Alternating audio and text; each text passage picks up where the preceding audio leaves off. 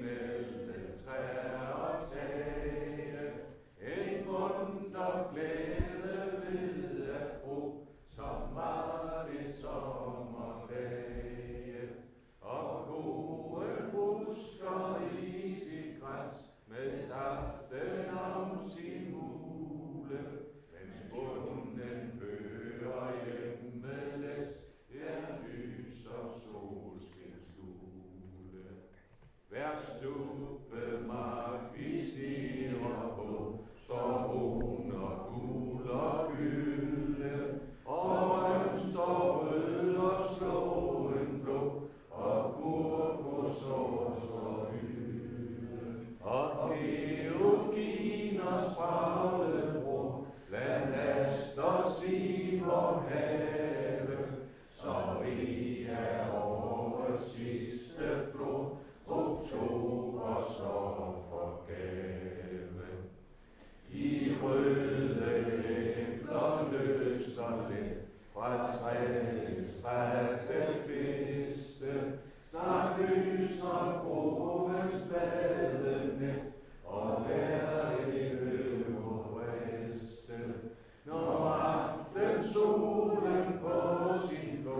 bag sorte grene svinder, og morgen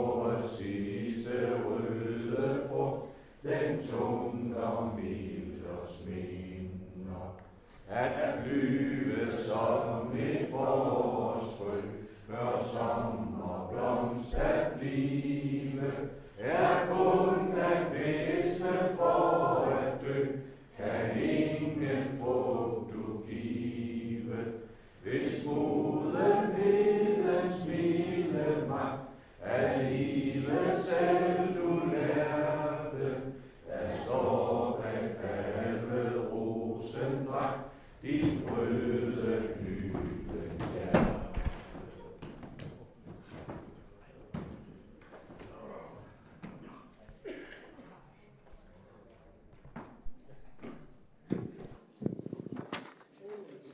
Vi har øh, så at sige en række afbud til dagens møde.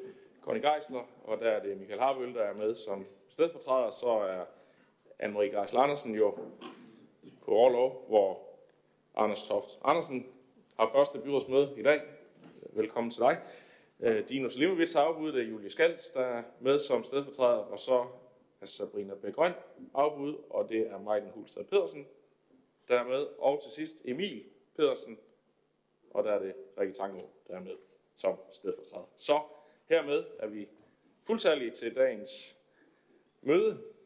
Første punkt hedder godkendelse af dagsordenen. Der er der, øh, har der været to dobbeltbehandlinger i dag, så sag nummer 3 og sag nummer 16 er økonomiudvalgets beslutning sendt til byrådets medlemmer i løbet af dagen.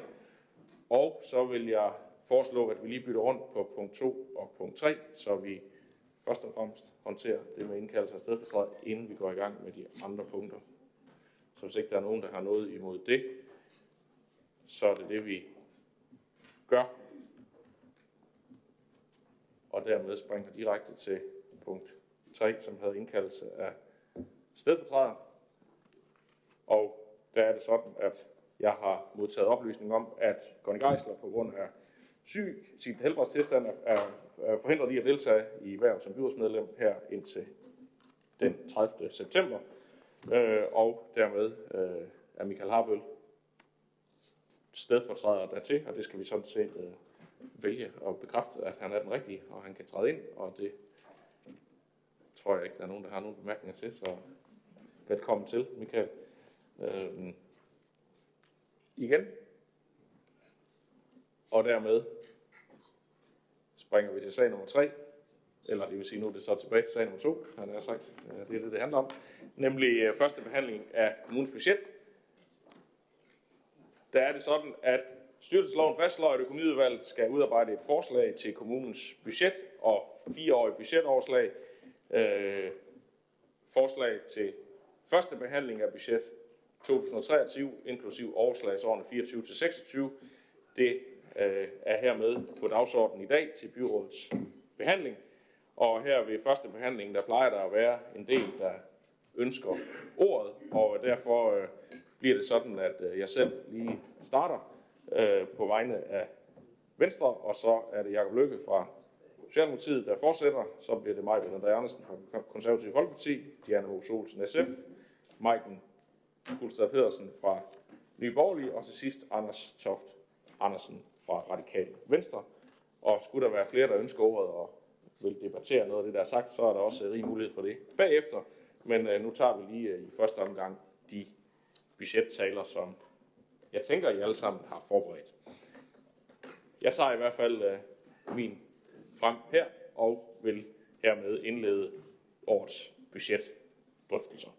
For nu er det jo der, hvor vi skal til at lægge brækkerne til det kommunale budget. Vi er blevet præsenteret for tallene. De er også øh, nævnt i dagens øh, sagsomstilling, så nu kender vi den økonomiske virkelighed, som vi kigger ind i, og kan altså så tage hul på selve processen med at få økonomien til at balancere. Jeg håber, at øh, alle partier vil møde konstruktivt til forhandlingerne og med viljen til at bøje os lidt imod hinanden. For sådan viser vi som byråd, at vi tager ansvar for kommunens velfærd og vækst, og på den måde kan sætte en fælles retning for udviklingen. I de sidste par år der har der været gode erfaringer med, at øh, jeg har mødtes med partierne hver for sig inden forhandlingerne. Det er sådan en mulighed for at tale lidt fortroligt om, øh, hvad det er, man brænder for, og få en fornemmelse af, hvad, hvordan vi hver især forholder os. I år der er selve processen skruet lidt anderledes sammen, end det plejer, så vi har allerede haft nogle af de snakke på kryds og tværs. Det tror jeg sådan set er en fordel øh, for vores forståelse af hinanden i de forhandlinger, vi står overfor. Vi har også i år haft øh, første, et budgetseminar inden første behandling i dag, og vi har derfor alle sammen et rigtig godt indblik i den økonomiske situation, som Esbjerg Kommune står i. Men som I ved, så ser det lidt udfordrende ud. Sidste år der indgik vi et bredt budgetforlig med alle byrådets partier om et solidt og ansvarligt budget, hvor vi tænkte fornuftigt og langsigtet og faktisk også sat ekstra penge af til nye investeringer i de kommende år. Alligevel står vi i en vanskelig situation her et år efter, og baggrunden har vi faktisk ikke selv haft stor indflydelse på. For os i Esbjerg Kommunen er konsekvensen af økonomiaftalen mellem regeringen og KL, nemlig at det ser ud til, at vi skal spare en 50-60 millioner kroner årligt. Og hovedforklaringen på det er, at øh, det går faktisk godt her i Esbjerg Kommune, men øh, det går bare lidt bedre andre steder. Vi vækster ikke helt lige så meget som andre her, og vores skatteindtægter stiger heller ikke helt lige så meget, som de gør i andre kommuner. Og når det samlet set går godt i Danmark, ja, så bliver bloktilskuddet til kommunerne sænket, og det rammer os negativt i Esbjerg, fordi skatteindtægterne ikke udligner det, som vi mister i bloktilskuddet. Oven i det, så har vi en udfordring med det specialiserede socialområde, hvor familie- og voksenhandicapområdet fortsat er i minus. Den samme udfordring, det har stort set alle andre kommuner også, og derfor har vi via KL kæmpet for at få flere penge sat af fra Christiansborg. Det har desværre ikke været muligt, øh, primært fordi det økonomiske rådrum blandt andet er brugt på en aftale omkring forsvarsbudgettet, så meldingen har været, det op til os selv i kommunerne at løse den udfordring. Men den opgave, den kan simpelthen ikke løses uden at skære drastisk på andre velfærdsområder. Så det er en svær og helt urimelig opgave, regeringen har overladt til os ude i kommunerne. Det er ikke for sjov, at vi har bedt om flere penge til det her område. Det er ganske enkelt, fordi det er nødvendigt. Og derfor bliver det nogle svære budgetforhandlinger, vi går i møde.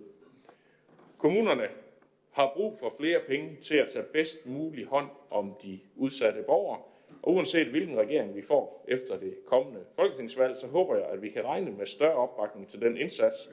Det er i hvert fald et område, som vi bør holde fokus på, og det ved jeg, at vi fortsat også vil gøre via KL. På den positive side har vi også fået nogle ekstraordinære indtægter, øh, som jo spæder lidt til kassen. Det gælder blandt andet øh, salget af grunden til Facebook Værndrup og salget af Esbjerg Højskole. Det giver os nogle muligheder, som vi kan bringe i spil i løbet af processen. Men samlet tegler billedet jo så, så sådan, at vi skal finde en 50-60 millioner kroner årligt for at skabe balance. Og hvis vi skal sætte flere penge af til for eksempel familie- og voksenhandicapområdet, ja, så sagde jeg, kræver det i sagens natur, at vi finder flere besparelser. Det bliver en svær øvelse, og øh, jeg håber, at vi både kan løse den opgave, men også samtidig løfte os lidt op og se på situationen i et lidt større perspektiv. I stedet for alene at prøve at spare os ud af problemerne lige her og nu, og så håbe, at alting bliver bedre i fremtiden, så må vi også øh, tage tyren ved hornene selv og gøre noget aktivt for at ændre de vilkår, der gør, at vi står i den her situation. Allervigtigst skal vi selvfølgelig prioritere den grundlæggende kernevelfærd, der gør hele Esbjerg Kommune til et godt sted at drive virksomhed, arbejde, studere, bo og leve godt hele livet. Men så skal vi også ture investere i det, der kan vende udviklingen, så Esbjerg Kommune kan stå stærkere økonomisk. Her ser jeg to strategiske spor, som begge er vigtige for at styrke væksten, bosætningen og dermed skatteindtægterne i kommunen. Jeg mener, at vi fortsat skal bakke op om udviklingen i Education Esbjerg, så vi kan få skabt en endnu mere attraktiv uddannelsesby. Målet er selvfølgelig, at flere unge får lyst til at studere her i Esbjerg, og også vælge at søge job og slå sig ned her, når de er færdige med deres uddannelse. Heldigvis står det klart, at øh, der har været stor og bred opbakning til Education Esbjerg, både fra uddannelsesinstitutionerne og erhvervsliv, så det er spændende at tage del i de initiativer, der bliver sat i gang. Senest har vi set et kæmpe, har vi set et kæmpe stort skridt med offentliggørelse af planerne for det visionære byggeri og det unikke uddannelseskoncept på Esbjerg Strand. Og bag det samlede projekt, der ligger et tårnhøjt ambitionsniveau, som virkelig har potentiale til at indfri vores mål. Det bliver spændende at følge realiseringen, og jeg tror på, at det er den flyvehøjde, vi skal op i, når vi for alvor skal vende udviklingen i Esbjerg Kommune. Esbjerg som en oplevelses- og kulturby er en anden vigtig retning, som vi har sat og skal forfølge. Efter en spændende og inddragende proces med mange gode mennesker og meninger ombord, landede vi på oplevelser og kultur som den retning, der skal, vi skal sætte for at gøre Esbjerg endnu mere attraktiv. Det gælder for os, der allerede bor her, og for dem, der besøger os, og for dem, der kunne overveje at flytte hertil. Vi er godt i gang med processen, og mange af os, mange af os har været på inspirationstur til Odense, hvor de på mange måder har stået i samme situation som os. De valgte i en tid med svære budgetter at investere et 60 millionbeløb i området, og det lykkedes at vende udviklingen, så byen står et helt andet sted i dag. Jeg tror på, at vi kan gøre det samme her. Vi kan se, at der er rigtig mange der Esbjergenser, der bakker op og rigtig gerne vil med. Vi kan se, at de gerne vil være med, når koncepterne er rigtige. Nu skal vi lige have de rigtige, øh, skal jeg få sagt nogenlunde det, jeg har skrevet her. Øh, og vi kommer jo lige ud af en sommer, hvor vi med kæmpe succes har afviklet både The Tall Ships Races og Esbjerg Festuge. Det er sådan noget, vi skal bygge videre på. Men det kræver selvfølgelig, at vi investerer i udviklingen. Og selvom jeg nu har fremhævet de to spor særligt, så vil jeg også gerne understrege, at der selvfølgelig er en lang række indsatser og initiativer og områder, der hele tiden spiller stærkt sammen og er afgørende for, at Esbjerg Kommune er sund, stærk og velfungerende. Vi er for eksempel også i gang med år to af velfærdsaftalens frihedsforsøg, hvor vi sætter retningen for fremtidens folkeskole. Også i den grønne omstilling går vi forrest, ikke mindst med den Esbjerg-erklæring, der blev underskrevet her, den har i høj grad sat energimetropolen på verdenskortet som en afgørende spiller i fremtidens energiproduktion. På samme måde har vi udsigt til mange nye arbejdspladser, når aftalen om at udbygge Esbjerg Havn til NATO-havn bliver ført ud i livet, både i relation til de konkrete NATO-opgaver, men ikke mindst i relation til de muligheder, det sikrer for vindindustrien. Kommunen er tæt på borgernes liv og hverdag, og vi har rigtig mange vigtige emner og mærkesager, som øh, vi jo vil nok tage med ind i forhandlingerne hver især om budgettet. Jeg håber, at vi kan finde en fælles linje, når vi sidder rundt om bordet, og kan ende med at indgå et bredt forlig. Det skaber et stabilt fundament for kommunens vækst og velfærd og stiller os rigtig godt og stærkt som byråd i vores politiske arbejde. Så det vil være min tilgang til forhandlingerne, og jeg håber, at vi kan nå dertil. Jeg ser frem til det, og øh, glæder mig til nogle lange og travle dage her i den kommende tid. Det var ordene herfra, og så vil jeg sende stafetten videre til øh, Jakob Lykke, så øh, vær så god til dig. Tak for det, øh, Jesper. I dag behandler vi budgettet øh, for første gang. Eller første budget. For uden venter budgetforhandlingerne. For mange i byrådet er det første gang, man skal være med til at forhandle et budget, mens andre har prøvet det op til flere gange. De kommende dage skal vi bruge sikkert mange timer sammen i mødelokalet, og vi skal helt sikkert gennemføre rigtig mange spændende debatter til gavn for Esbjerg Kommune. Når vi ser på Esbjerg Kommune, hvad er det så, der springer os i øjnene? Er det vores berigende museer og kulturhuse, vores grønne åndehuller, vores dygtige uddannelsesinstitutioner, eller måske vores kulturelle mangfoldighed? For os i Socialdemokratiet er det alt det og mere til. Men allerklarest står det, det som binder vores kommune sammen, det er fællesskabet. For ligesom en person ikke kan fløjte en hel symfoni uden hjælp fra sit orkester, så kan Esbjerg Kommune heller ikke bestå uden det store fællesskab. Så simpelt er det. For i Esbjerg Kommune vil vi hinanden. Vi vil det fælles bedste. Det kan man kende os på. I Socialdemokratiet sætter vi bare en højt for den udvikling. Vi ønsker for hele kommunen. Altid med det store fællesskab som kerne. Vi er fælles om, at vi kommer i mål med vores grønne omstilling, så vi kan give Esbjerg Kommune videre til de kommende generationer. Vi er fælles om at sikre, at man kan leve et godt liv i Esbjerg Kommune, uanset hvor man kommer fra og med. Vi er fælles om, at Esbjerg Kommune skal være et trygt sted at vokse op og leve i sit liv i og give det videre til andre. På den måde er fællesskabet en helt uundværlig del af Esbjerg Kommunes DNA, og derfor skal det også kunne mærkes på vores politik. Vi skal derfor både tænke kortsigtet og langsigtet, når vi udvikler Esbjerg Kommune.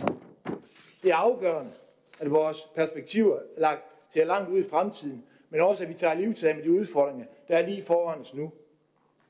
Det gælder ikke mindst på miljø- og klimaområdet, hvor vi fortsat skal investere i den grønne omstilling.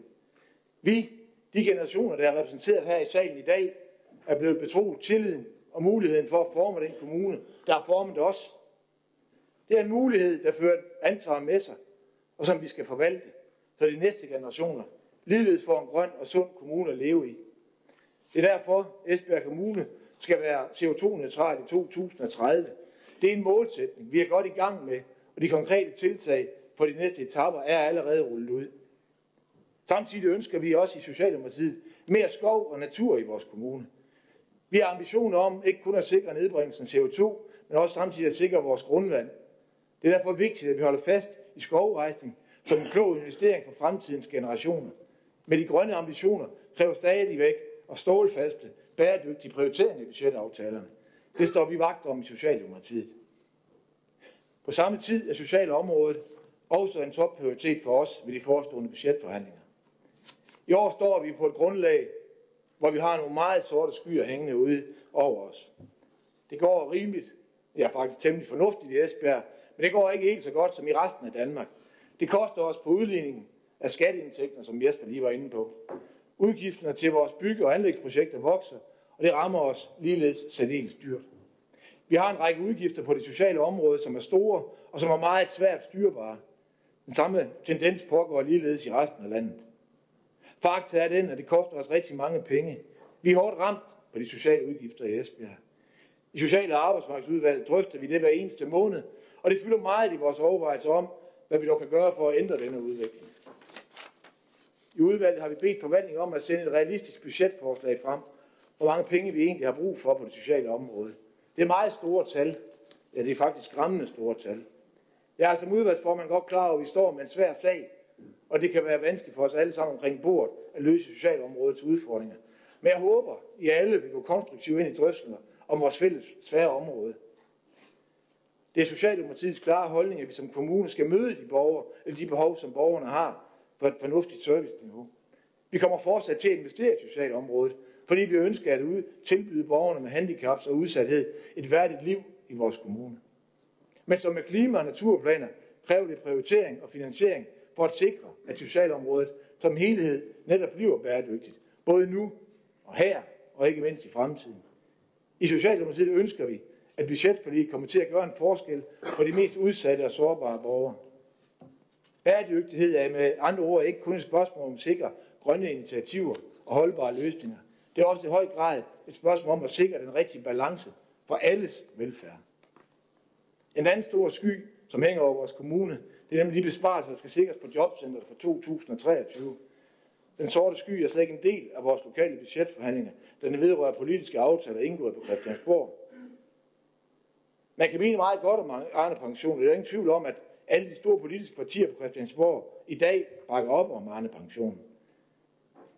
Men der kommer, og der kommer vores jobcenter, de får en kæmpe udfordring i forhold til at finde de besvarelser, der ligger i omegn af 20 millioner kroner, når besvarelsen er fuld og endelig implementeret i 2024. Det kan nok ikke undgå at komme til at gå ondt, og der skal også nedlægge stillinger. Men samtidig vil jeg også slå et slag for, at byrådet her forstår, at vi stadigvæk har en vigtig opgave i at understøtte virksomhederne, som skal have den arbejdskraft, de har brug for.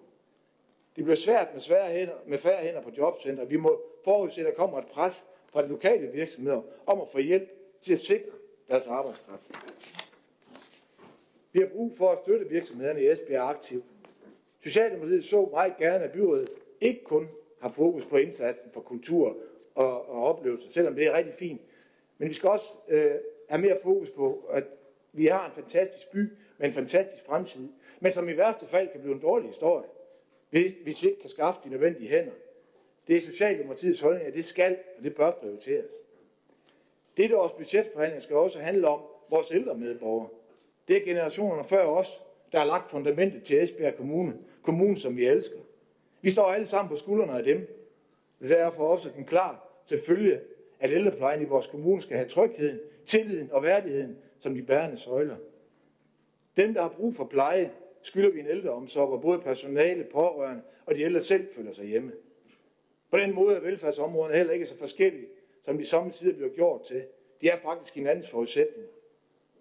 For mod en historisk slutning trækker som oftest trådet tilbage til der, hvor den startede. Derfor betyder vores tidlige indsatser i daginstitutioner og trivsel i folkeskolen meget for, hvor det ikke bare er en fremtid, hvor det er en fremtid ikke bare for vi, men også vores børn og deres børn, vi ser ind i. Vil jeg mærke, både når det gælder de store rammer, men også den enkelte borger. Vi skal lykkes med at fagne alle børn, allerede for de er helt små. I Socialdemokratiet har vi en helt særlig opmærksomhed på de mange børn, som henvises til specialtilbud. Her har vi en særlig forpligtelse og opgave for, at mange børn skal hjælpes. Unge, forældre og skolerne, så endnu flere børn lykkes på den lange bane. For børn er små mennesker, og mennesker er forskellige. Og uanset alder, udgangspunktet eller udfordring, skal Esbjerg være en god kommune at vokse op i og gå i skole i. I Esbjerg Kommune skal de store passe de små. Hvis der var gået nogen som næse forbi, så er en af overskriften for denne tale fællesskab. Men der er et fællesskab, som jeg endnu ikke har nævnt, nemlig det store arbejdsfællesskabet. I Socialdemokratiet mener vi, at vi skal udnytte den gunstige økonomiske situation i Danmark, som vi er i, til at flytte langt flere ind på arbejdsmarkedet. Det gælder alle, som er uden for arbejdsmarkedet. Vi er særlig opmærksomme på de langtidsledige, dimitenter og borgere med en anden etnisk baggrund, som aldrig rigtigt er blevet en del af vores fællesskab. Vores virksomheder skriger som sagt på arbejdskraft lige nu, og derfor skal vi gøre alt, hvad vi kan for at flytte flere fra overførsel til jobs. Samtidig er vi Socialdemokrater også optaget af, at vi får brug for rigtig mange velfærdsmedarbejdere de kommende år. Hænder som er en forudsætning for en tryg barndom, ungdom og ikke mindst alderdom. Med andre ord, vores fantastiske samfund hviler på, at vi alle bidrager, gør vores pligt og derefter kræver vores ret, men i den rækkefølge. For arbejdsfællesskabet er en forudsætning for, at vi kan realisere vores andres politiske vision. Jeg vil også nævne, at vi i Esbjerg Kommune har et stærkt fokus på samarbejde med de frivillige foreninger og lokale råd. Vi har en frivillig sektor i Esbjerg Kommune, som i den grad løfter rigtig gode indsatser. I Social- og Arbejdsmarkedsudvalget har vi bedt forvaltningen om at sende et budgetforslag frem, som hæver budgettet på paragraf 18-midlerne. Vi bør i en tid med pres på velfærdsområderne anerkende, at vi ikke kan undvære foreninger, og derfor bør der komme flere midler til dem. Jeg vil også her samtidig minde om, at I jo i det forrige by, by, byrådsperiode traf en heroisk beslutning om, at det nu er Social- og Arbejdsmarkedsudvalg, der skulle tage imod og behandle alle de eksterne ansøgere på netop det sociale område. Så I undgik, at I skulle ind, at de skulle med ind i budgetforhandlingerne. Så nu sidder vi med æben i vores udfald, i vores udvalg, og nu bør I faktisk støtte op omkring vores arbejde med opbakning i forhold til flere midler. Det hele handler således om, at Esbjerg Kommune skal være en god kommune for alle. En kommune, hvor vi værner om det, der binder os sammen. Ikke kun lige nu, men også i fremtiden. Og intet afsæt er stærkere end fællesskabet. I Socialdemokratiet vil vi sætte en bæredygtig retning for Esbjerg Kommune. En retning, der skal styrke velfærden og sikre os en grønnere fremtid. Derfor appellerer vi også til, at byrådets partier vil påtage sig det ansvar og forhandle et ansvarligt og fremadskuende budget på plads. Afslutningsvis skal der også lyde en varm og ikke mindst dybfølt tak til Esbjerg Kommunes personale. Ikke mindst med covid-19 i mente og den formidable indsats, der er blevet gjort. Velfærdsopgaverne har kommunens borgere har skulle have hjælp og assistance, er blevet klar til UG og Slange. Tusind tak til personalet. Og vi øh, ser frem til de forestående budgetforhandlinger med alle partier herinde. Og jeg glæder mig øh, og håber på, at vi finder en fælles løsning til gavn for Esbjerg Kommune. Så det var med de nævnte kommentarer i mente, så stemmer vi for. Så. Tak for det. Så er det mig, Britt André Andersen fra det konservative. Tak for det. Årets budgettale den bliver lidt anderledes end sidste år, og det gør den, fordi den økonomiske situation ser lidt anderledes ud. Det startede med en aftale mellem regeringen og KL, som sammen med voksen handicap og familieområdet slår et ikke ubetydeligt økonomisk hul i Esbjerg Kommunes kasse. Og dertil så kommer konsekvensen af indførselen af Arne-pensionen oveni. Regeringen har jo sendt regningen for Arne-pensionen ud til os i kommunerne, og det betyder massive besparelser på vores jobcenter. Vi har intet imod at spare på jobcentrene, hvis det vel at mærke er inden for de rigtige områder, for eksempel de områder, som A-kasserne kan løse. Men nu mærker vi regningen tydeligt, fordi der spares på de tilbud til de allersvageste målgrupper. Og det vi fra konservativ side harcelerer mod, er, at de penge, man henter på øvelsen, de skal gå direkte til at finansiere Arne-pensionen, som vi ikke er enige i, er den rette vej at gå. Det er også blevet tydeligt for enhver, at Arne-pensionen ikke handler om nedslidning, men alene om, hvor mange år du har haft på arbejdsmarkedet. Her havde vi fra konservativ side hellere set pengene gå til andre ting, ligesom vi, som før nævnt, også gerne havde set besparelsen var taget på andre indsatsområder, hvor det ville give mere mening. Om der ved dette budget er penge til en fortsat afblødning af besparelsen, det ved jeg ikke. Og jeg ved heller ikke, om viljen er der blandt partierne, øh, når vi ikke er enige i, at Arne-pensionen overhovedet bør eksistere. Måske er det i virkeligheden på tide, at regeringen selv tager ansvaret for de besparelser, de har lagt ned over os i kommunerne. En af de helt store udfordringer for Esbjerg Kommune er, at vi mangler flere borgere. Egentlig går det jo samlet set fremad med befolkningstilvæksten, men øh, der er andre, der klarer det bedre end os. Blandt andet det bliver vi straffet for i årets aftale mellem regeringen og KL, og det kommer alt andet lige til at kunne mærkes. Jeg vil gerne gentage mig selv, for som jeg også har sagt tidligere over, det konservative Folkeparti er et økonomisk ansvarligt parti. Derfor så er det også helt essentielt for os at skabe en sund økonomi, hvor der er råd til at sikre vores muligheder og potentialer, både nu og i fremtiden, men hvor vi samtidig sikrer en økonomisk balance. Det vi altid har fokus på, og det vil vi fortsætte med at holde et vågent øje med.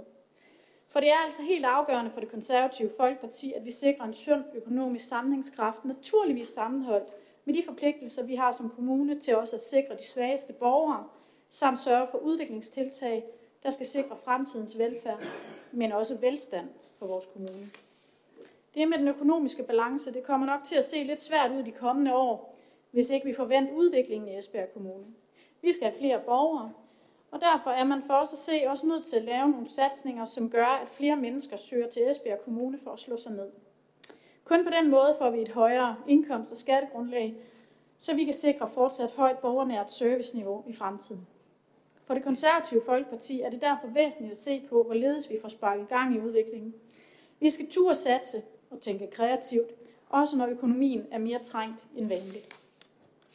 Derfor synes, jeg, synes vi også fra konservativ side, at vi skal understøtte gode initiativer, der allerede er søsat, og derved også sørge for, at vi får skabt det nødvendige liv i vores bykerner og lokalsamfund. Ud fra et konservativt synspunkt kræver det investeringer, ikke alene i en indsats, men i flere som et samlet hele. Hvis vi vil, at Esbjerg Kommune vokser sig større, stærkere og sundere befolkningsmæssigt og økonomisk, så kræver det også, at vi tør gå videre med nogle af de satsninger, som er helt afgørende for Esbjerg Kommunes fremtid. Det er vores alles fremtid, det her det handler om. Og så handler det i den grad om, at vi også i fremtiden kan sikre den gode kernevelfærd. Men pengene skal altså tjenes, før de kan bruges. Det er et godt og sundt konservativt princip.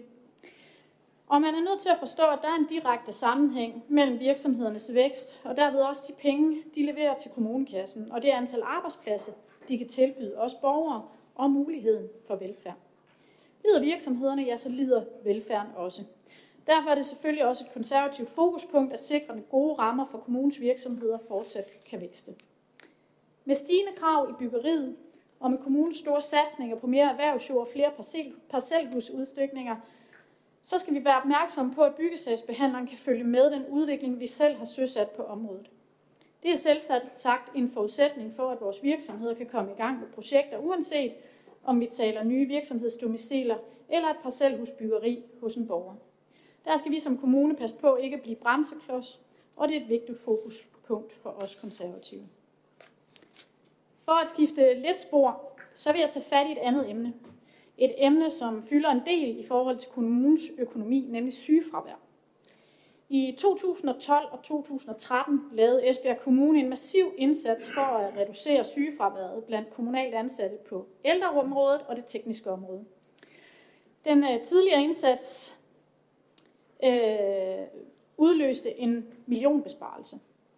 Siden da er sygefraværet steget igen. Tallene taler deres eget tydelige sprog, og konklusionen må være, at der er et stort potentiale, hvor der kan hentes flere millioner i sparet midler, og til med en øget service over for borgerne. På ældreområdet, der skal der jo leveres velfærd til borgerne hele døgnet. Og et højt sygefravær medfører ofte et højere forbrug af vikarer. Det øger også risikoen for fejl og kan skabe uro og utryghed for vores ældre, fordi deres hjem risikerer at minde om Fredericia Banegård i myldretid. Derfor vil vi fra konservativ side foreslå, at vi sætter arbejde med nedbringelse af sygefraværet i gang hurtigst muligt. Når vi kommer med et forslag som det her, så er det jo sagens natur, fordi vi på denne måde mener, at vi forvalter borgernes penge ansvarligt og med sund fornuft. I det konservative Folkeparti mener vi nemlig, at pengene skal bruges der, hvor de gør mest gavn, så vi kan sikre en ordentlig og værdig pleje af vores ældre og handicappede medborgere, en god og inspirerende folkeskole og dagtilbud fyldt med nærhed og med plads til leg og læring for næste generation. Og det kan vi altså kun på bedste vis, når det faste personale er på arbejde. Hvis vi kigger på befolkningsudviklingen, så sker der, sker der jo det i de kommende år. En vækst i antallet af ældre i Esbjerg Kommune. Og det skal vi kunne håndtere, den udfordring. Og så er det absolut en nødvendighed, hvis vi skal have flere ældre, at vi skal have flere ældreboliger og ældrebolig plus. Disse boligtyper efterspørges, fordi borgerne i stigende grad øh, gerne vil blive så længe som muligt i eget hjem, og det udskyder naturligvis også en plads på et plejehjem. Tiltag som det her, det hjælper os, også os som kommune til at håndtere det stigende antal ældre i fremtiden. Det er ganske enkelt nødvendigt, hvis vi skal kunne opretholde en god og ordentlig service over for den enkelte ældre. Det er i hvert fald vigtigt for mig som konservativ at sikre, at de mennesker, som har opbygget det samfund, vi alle nyder godt af i dag, som har knoklet, slidt og slæbt i samfundets tjeneste, ja, de skal selvfølgelig også have en tryg og værdig alderdom. Så både rent menneskeligt, men også økonomisk, økonomisk giver det rigtig god mening, at vi får bygget flere ældreboliger og ældre plusboliger. Det er meget gerne projekter, hvor private fonde, pensionskasser og lignende kan være med til at løfte opgaven. I Esbjerg Kommune der er vi så heldige, at vi har en række frivillige sociale foreninger, som løfter en kæmpe værdighedsmæssig øh, opgave øh, i omkring ældreområdet, med blandt andet tryghedsopkald og også vågetjenester, så ingen mennesker skal dø alene. Og de sparer til med vores område for penge. Ikke fordi de tager plejeopgaver, det skal de i øvrigt heller ikke, men fordi de skaber øget tryghed og derved sparer kommunale medarbejdere for udkald eller opkald. Det synes jeg er prisværdigt. Jeg kan faktisk blive helt rørt over, at mennesker på den måde sætter sig ud over sig selv og yder så enestående en indsats, og så endda frivilligt. Jer skylder vi den største tak. Det samme gør sig i øvrigt gældende på socialområdet.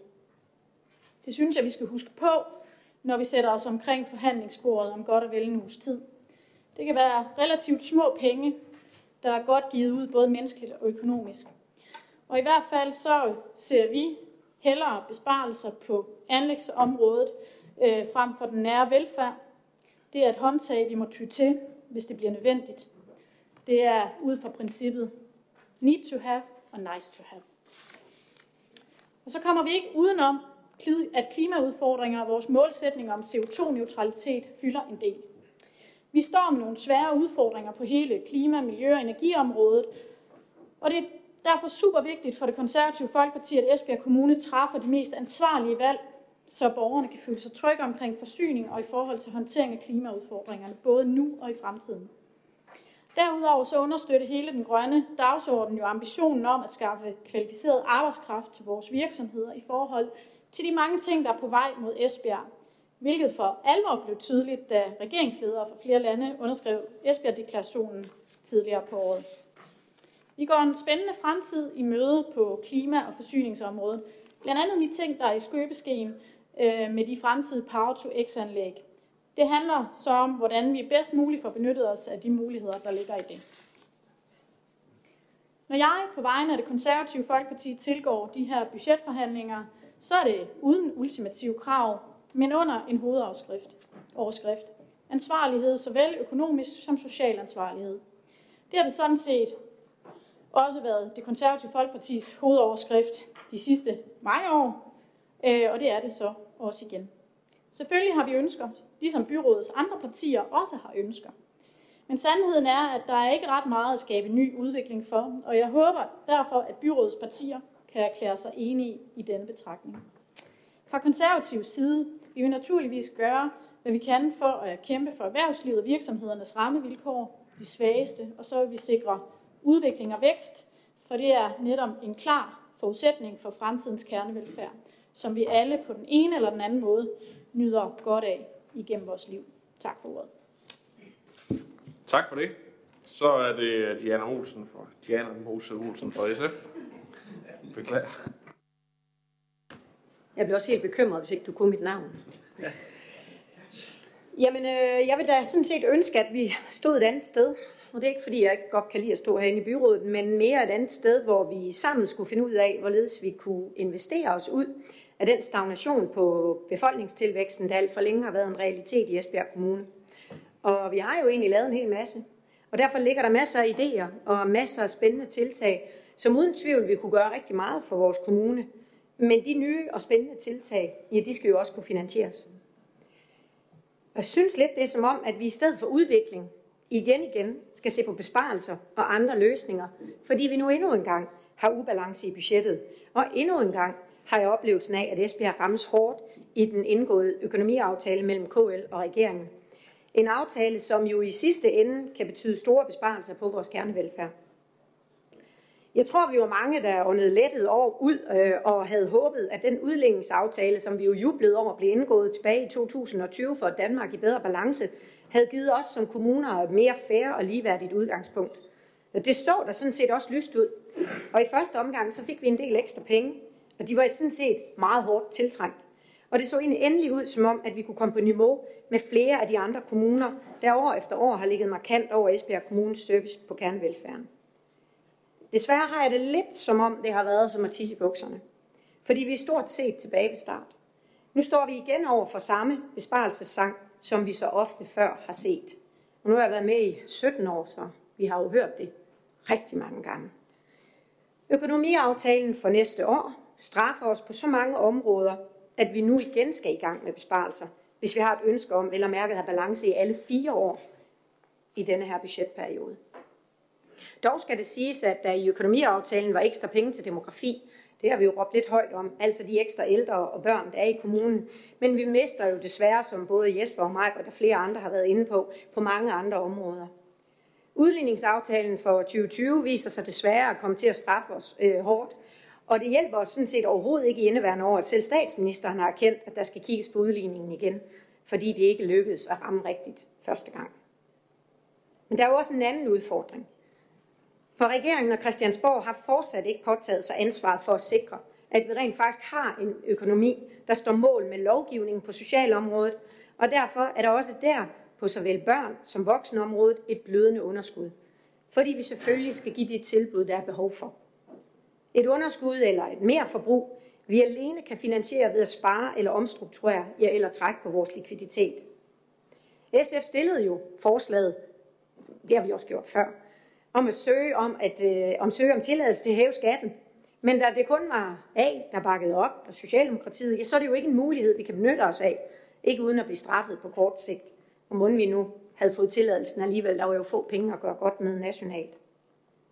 Derfor tror jeg ikke, det alene er min mailbox, men nok også jer andres, der igen flyder over med henvendelser fra bekymrede borgere, medarbejdere og faglige organisationer, der har måttet læse om besparelsesforslag, sjov nok primært på børn og kultur, hvor der er forslag om blandt andet nedlæggelse af ungdomsklubber, lejerskoler, afskaffelse af svømmeundervisninger, indførelse af tørsvømning eller noget, nedlæggelse af områderådgiver og alt muligt andet i spil for at sikre balance og finansiering af nye nødvendige udgifter og tiltag.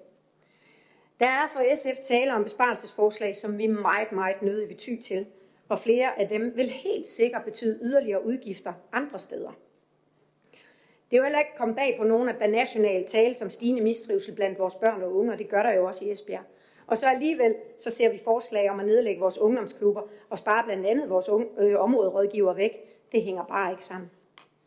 Vi står tværtimod i en situation, hvor vi bør investere på flere områder, Både for at sikre, at, flere, at vi får flere borgere til at flytte til kommunen, men selvfølgelig også for at have et rimeligt niveau.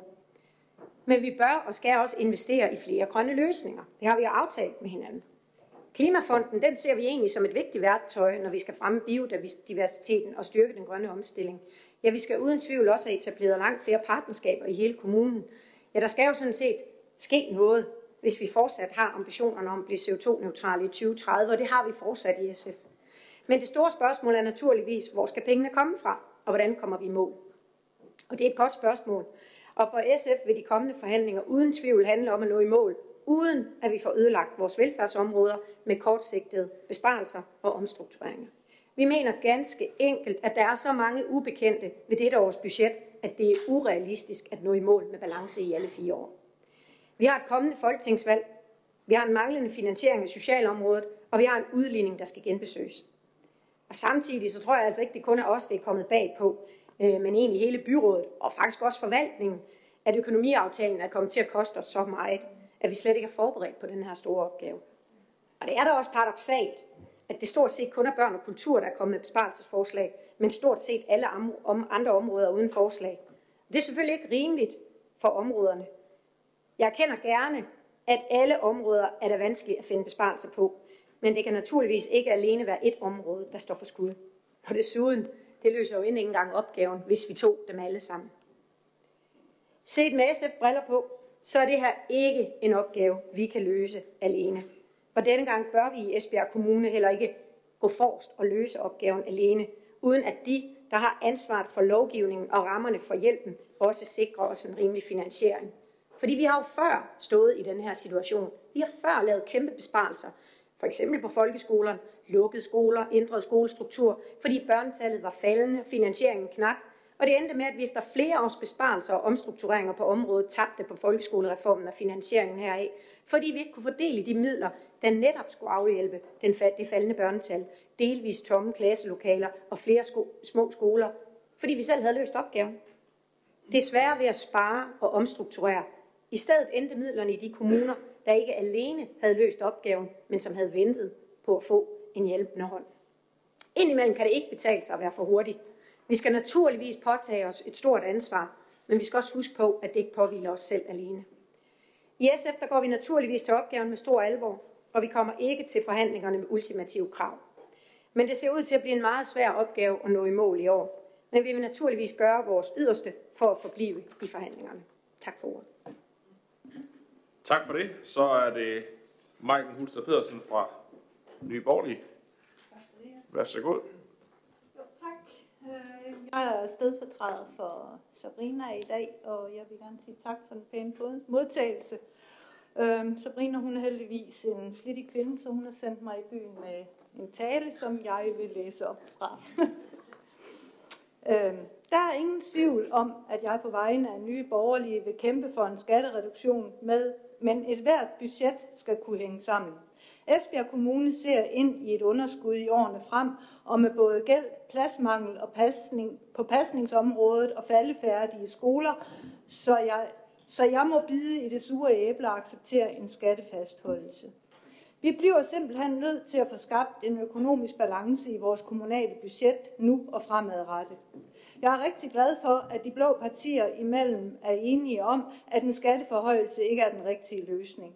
Ved de kommende budgetforhandlinger vil jeg kæmpe for, at trivselen blandt personalet og kompetenceløft prioriteres til fordel for kommunens borgere.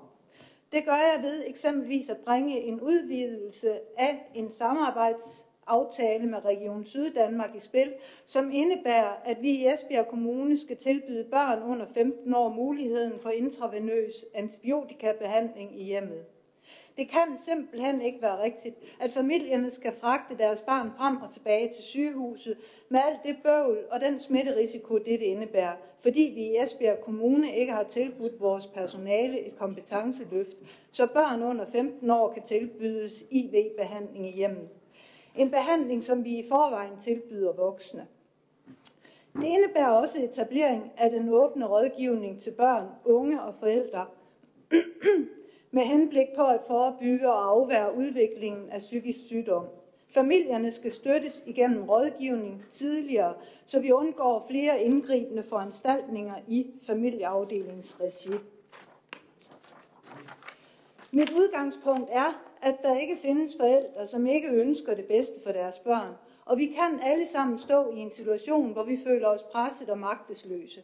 Kan forældre, der har brug for støtte i form af rådgivning, opnå de redskaber, der skal til for at magte forældreopgaven, så har vi allerede bidraget til at reducere byrden på familieområdet. Derfor håber jeg også på, at den åbne rådgivning kan øh, afholde oplæg for større forældregrupper omkring konflikthåndtering og vidensformidling omkring børns indlæring og udvikling. For det kan ikke hjælpe noget, at det er et meget begrænset antal forældre, som kan opnå en plads på skolernes kursusforløb. Men hensigten med åben rådgivning er ikke udelukkende et kommunalt anlæggende. Derfor ser jeg gerne, at vi i klyngesamarbejdet med Region Syddanmark finder en implementering, der også inkluderer fremskudt funktion i relation til børn og unge psykiatriske samarbejde, så vi løfter denne indsats i fællesskab.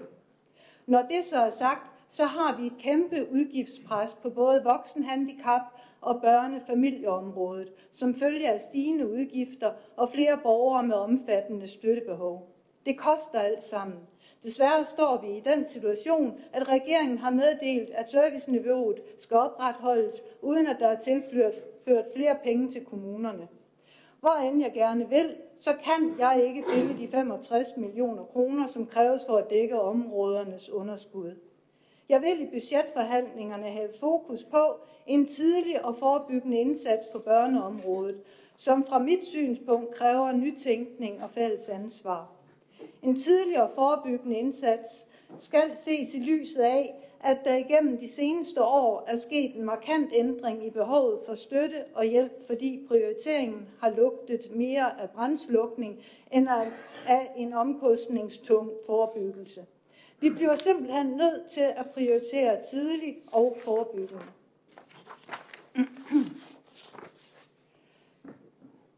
Forebyggende indsatser. Fordi det er en investering i vores børns liv og kommunens fremtidige skatteborgere. Punktum. Vi skal have gjort op med at poste penge i integrationsprojekter, som ikke er lovpålagte.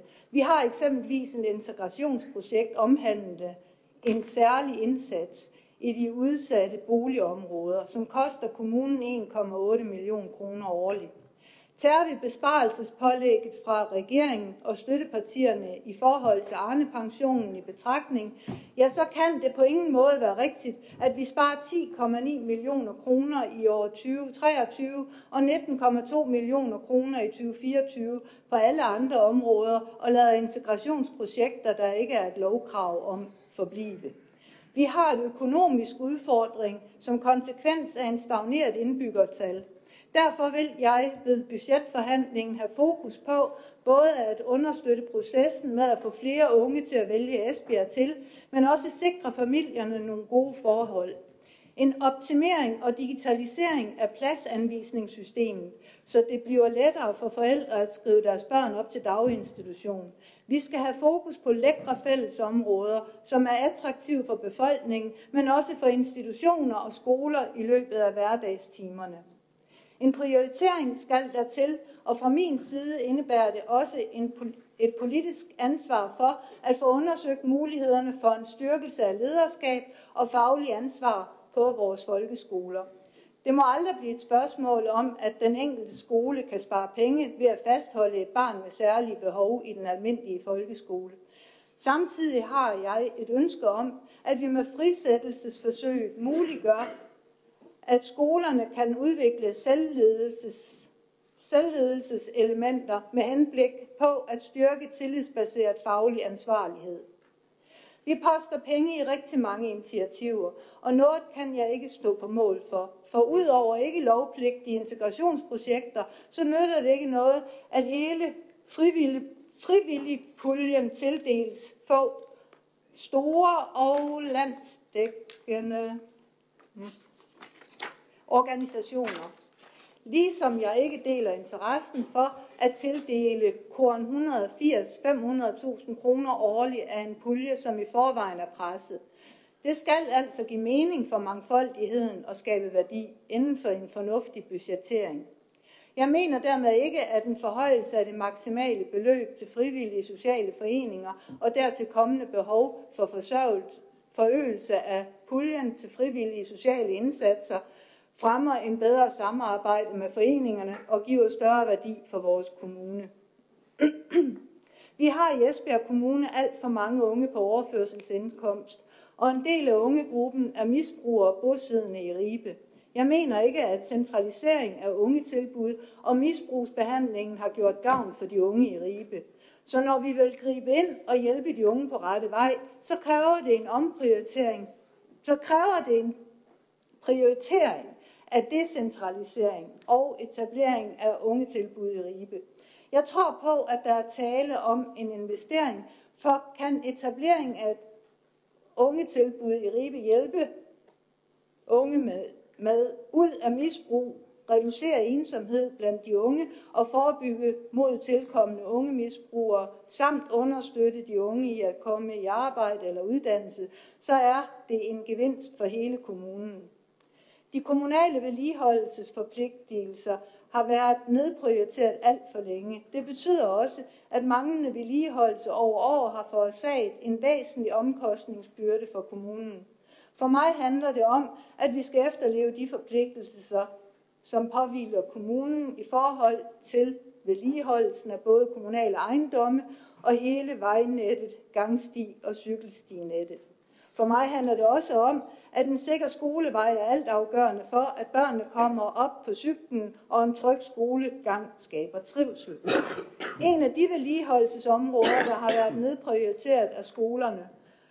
For at vi kan prioritere skolerne efter behov, bliver vi simpelthen nødt til at udarbejde en masterplan, så følelserne ikke løber af med os alle sammen. Vurderingerne fra masterplanen må bane vejen for vores prioriteringer, og det er vigtigt for mig, at vi udviser tillid til de faglige begrundelser, vurderingen bygger på, når udbedringerne skal i gang sættes. Afslutningsvis vil jeg blot sige, at jeg ser frem til at deltage, eller det gør Sabrina, i en konstruktiv budgetforhandling, hvor jeg håber på, at partierne imellem kan finde frem til et budget, som vi alle kan stå på mål for og se borgerne i øjnene med. Tak for ordet. Selv tak. Og sidste parti på listen, Radikal Venstre, Anders Toft Yes, Andersen. Jeg skal lige se, om jeg kan også tænde for din mikrofon. Det kan jeg nu. Værsgo. der er hul igennem. Godt. Jeg vil gerne lige starte med en rettelse. Det er faktisk mit uh, byrådsmøde nummer to. Uh, det første, der sad jeg derovre, og der, jeg ved ikke, om nogen, der kan huske det, men jeg blev uh, afbrudt inde i min uh, talestrøm. Så jeg reducerede papiret lidt den her gang. Uh, og nu kan jeg se, at nu falder det fuldstændig igennem. Det er ikke en nem opgave. Jeg tør næsten ikke at kommentere, men uh, du, får bare, uh, du har fri taletid nu, Anders. Godt, tak for det. Øhm, I Radikal Venstre har vi historisk set stået for økonomisk og social ansvarlighed. Derfor er det også vores øh, indgang til de her budgetforhandlinger. Og det er også meget øh, magtpålæggende, at vi øh, sammen får landet en økonomisk og social ansvarlig aftale. Øh, kommunens økonomi taget i betragtning, så, øh, så kan det godt blive en lidt svær opgave.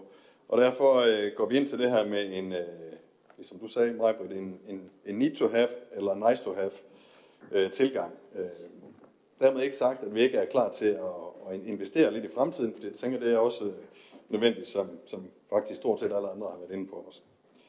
Øh, en af de områder, vi er specielt ramt på, det er det, det, her, det specialiserede sociale område. Her mangler vi et stort beløb, øh, både inden for voksne og børneområdet. Her vil vi øh, i Radikal Venstre arbejde for at bibeholde den ramme, der er reserveret i budgettet øh, i 22 på de 20 millioner. Den øh, ramme den udløber lige om lidt, og derfor øh, vil vi arbejde for, at den bliver reserveret også i de kommende år. Det gør det selvfølgelig ikke alene, men det er i hvert fald en start. Øh, skulle et budget øh, ende med en række rammebesparelser, så øh, vil vi, ligesom flere andre partier også allerede har nævnt, øh, sørge for, at øh, vi kommer til at friholde socialområdet. Der er i forvejen et kæmpestort øh, overforbrug, øh, så det giver ikke nogen mening at begynde at, at save den gren. Så øh, er der to års værk, der er afsat til børnehandicapområdet, som afledt konsekvens af vores forløb med Ankestyrelsen. Det ser vi lidt som gratis omgang, øh, og den håber vi, at vi kan øh, være med til at, at sikre sammen. Det er i hvert fald øh, været tilfældet i Aarhus Kommune, at, at øh, en sådan investering tjener sig selv hjem. Øh, samtidig så er det også med til at sikre øh, borgernes retssikkerhed og få, sørge for at inddrage familien i den udstrækning, det, det nu kan lade sig gøre. Og det har lidt vist sig at være en udfordring i vores nuværende normering, kan man sige. Så er der forstår, i, i forhold til rekruttering, der står vi både øh, øh, her nu, men også på sigt, ud for nogle ret store udfordringer øh, på en række velfærdsområder. Dertil ser vi også et øh, fald i tilgangen af nye studerende inden for velfærdsuddannelser. Det er en udfordring, som jeg synes, vi skal prøve at tænke ind i øh, det kommende budget. Nu har vi haft et fint besøg her inden byrådsmødet af Education Esbjerg, og jeg synes, det kunne være interessant at, at tale med dem også om, hvordan de kunne være med til at understøtte den her øh, rekrutteringsudfordring, øh, vi har. Danske professionshøjskoler de har for nylig fremlagt en rapport, der viser, at især pædagoger, sygeplejersker, lærere og socialrådgiver, de bliver en øh, voldsomt stor mangelvare frem mod 2030. Den grønne omstilling. Øh, sidst men ikke mindst er det vores oplevelse, at den grønne omstilling i kommunen står en lille bitte smule i stampe. Der sker selvfølgelig rigtig, rigtig mange positive ting, men øh, i forhold til at få øh, den strøm, som vi gerne vil lave PCX-anlæg på, og øh, få rigtig knald på vindenergien, der ser vi nogle udfordringer, øh, som jeg godt kunne tænke mig, at vi kommer til at arbejde ind i det nye budget også. Øh, I forhold til øh, vores kommende anlæg, så skal vi selvfølgelig og naturligvis sikre os, at de bliver som minimum øh, energineutrale. Men øh, der er jo altså også noget, der hedder plus. Så det skulle vi også se, om vi kunne, kunne få lagt lidt ovenpå. Øh, der er generelt ikke mange svar på spørgsmålene om reduktion af CO2, vindmøller på land, rekrutteringsudfordringer eller kvalitetsløft af hverken det ene eller det andet øh, på socialområdet eller almindeligt i det store budgetkatalog. De få, de få, forsvag, de to, de få forsvag, forslag, der ligger, den bakker vi selvfølgelig op om. Det er blandt andet vores øh, pårørende vejleder, den åbne rådgivning, øh, som vi i Radikal Venstre har kæmpet for øh, gennem lang tid, og selvfølgelig også den nye veterankoordinator. Den sidste ting, vi, vi gerne vil have arbejdet ind i det kommende budget, det er evaluering. Det er noget, som jeg støder på, når man står som helt ny mand i budgetforhandlinger og skulle tage stilling til nogle ting, som nogle gange godt kan være lidt svære at finde ud af, hvem det er, der har... Øh, altså, hvad, hvad resultaterne har været af de ting, vi har sat i gang over tid. Øh, det vil jeg gerne have, at vi på en eller anden måde får, får tænkt ind i de kommende øh, aftaler, der bliver lavet. Øh, ja. Nu er jeg ved at være der. Og du sidder endnu, det er skide godt. Øh, generelt har vi et ønske om, at vi i det kommende budget og i de kommende forhandlinger kan bidrage til, at vi sammen kan finde nogle svar på de tidligere nævnte udfordringer. Øh, vi kommer, som mange andre også har sagt, uden ultimative krav, øh, krav men med en klar forventning om, at vi øh, nok skal løse den her svære opgave i fællesskab. Og vi øh, har også en intention om at blive til den bedre ende. Tak. Selv tak. Du er helt færdig nu. Det er godt. Jamen, øh, det, var, øh, det var sådan set den første runde med, med parti, øh, eller en repræsentant for hver parti. Og der er ikke øh, flere, der har indtegnet sig på listen, så dermed tænker jeg også, at vi kommer til at gemme den store debat, til vi mødes igen til en anden behandling og får en masse gode drøftelser med hinanden i budgetrummet. Det bliver ikke nogen nem opgave. Der var masser af gode idéer, gode forslag til vigtige ting, hørte jeg fra alle, men der var ikke ret mange gode idéer til, hvor pengene de skulle komme fra. Øh, og det bliver nok øh, det, der jo bliver det store øh, spørgsmål, at få de ting ender til at nå sammen, når vi nu mødes øh, i forhandlingslokalet. Men øh, tak for bemærkningerne, jeg glæder mig til, at vi skal kaste os igennem, eller i gang med opgaven. Og øh, med det, så kan vi godkende indstillingen om at oversende budgetforslaget til anden behandling. Og det bringer os videre til sag nummer 4, er vi så nået til nu, som handler om øh, fremtidig placering af afstemningssted i Ribe. Der er det sådan, at der op til folkeafstemningen den 1. juni 2022, der besluttede byrådet at flytte afstemningsstedet fra Ribehallen til Ribe Fritidscenter for valghandlingen dengang. Og indholdet i beslutningen var også, at der efterfølgende skulle evalueres på fremtidig placering af afstemningsstedet i Ribe. Og det er nu, efter den her indstilling, der er i sagen, øh, lagt op til, at det flyttes permanent til Ribe Fritidscenter, og økonomiudvalget har dog tilføjet i under behandlingen, at øh, Ribehallen er anden prioritet, hvis der skulle være en årsag til, at det ikke kan afvikles den dag, der er valgt øh, i Ribe Fritidscenter. Det er der ikke nogen, der har bedt om ordet til, så det kan vi også her i byrådet tilslutte os den beslutning. Det bringer os videre til sag nummer 5. Nu kommer der en række sager fra forskellige boligforeninger om, om forskellige øh, godkendelser, vi skal forholde os til. Og den første her er fra Arbejdernes Boligforening. Det handler om afdeling 4 på Baksens Allé. Øh, og der har vi den 5. maj 2022 modtaget en ansøgning om væsentlige forandringer. Det handler om udskiftning af tag, beklædning på kviste og separatkloakering. Og der er så et lille lånoptag også i afdeling 4. Og øh, det skal vi dermed godkende her. Det er der heller ikke nogen, der har nogen bemærkninger til, så det kan vi hermed gøre. Det bringer os videre til sag nummer 6, som er en sag fra Brammingboligforeningen. Der er det en orientering om, at de har etableret et fælleshus. De har tidligere, øh, eller de har i forbindelse med etableringen af 51 familieboliger på det, den grund, hvor det tidligere rådhus i Bramming lå, også opført et fælleshus, fælleshus til gavn for hele Bramming Boligforening. Og det har ikke nogen økonomiske konsekvenser for kommunen, men vi skal orienteres om det, og det er vi hermed levet. Sag nummer 7 er også en sag fra Arbejdernes Boligforening. Det handler om afdeling 21 Mølleparken. Der har vi den 20. maj modtaget en ansøgning om øh, væsentlige forandringer, som det hedder, og det handler om udskiftning af tag og vinduer og døre, og der er også et låneoptag i den her sag. Det har økonomiudvalget godkendt, og det skal vi så også forholde os til her i byrådet. Og det ser det ikke ud til, at der er nogen, der har bemærkninger til, så det kan vi også godkende i enighed. Det bringer os hastigt videre til sag nummer 8, som er fra Boligforeningen 32, afdeling Hedegårdene, øh, en skema B-godkendelse der er der fremsat øh, sendt en skema B-ansøgning øh, om godkendelse af anskaffelsessummen i forbindelse med gennemførelse af helhedsplanen i afdeling 8, og den indeholder opretnings, omby, ombygnings- og sammenlægningsarbejder. Det er næsten en liksprøve det her, hvor ombygningerne og sammenlægningerne de sker efter Landsbyggefondens tilgængelighedsprincip. Og derudover er der også helt generelle moderniserings- og vedligeholdelsesarbejder. Den 7. december 2020, der godkendte byrådet skema A, øh, men efter licitation af anlægsarbejderne, der har anlægssummen ændret sig fra de 322 millioner, som blev godkendt på skema A, til 362 millioner, som der så er i det skema B, som vi har foran os i dag, og dermed en stigning på 12 procent. Det er desværre ikke usædvanligt i disse tider, øh, og det er så det, vi skal godkende dag. Det er der heller ikke nogen, der har bemærkninger til, så det kan vi hermed gøre.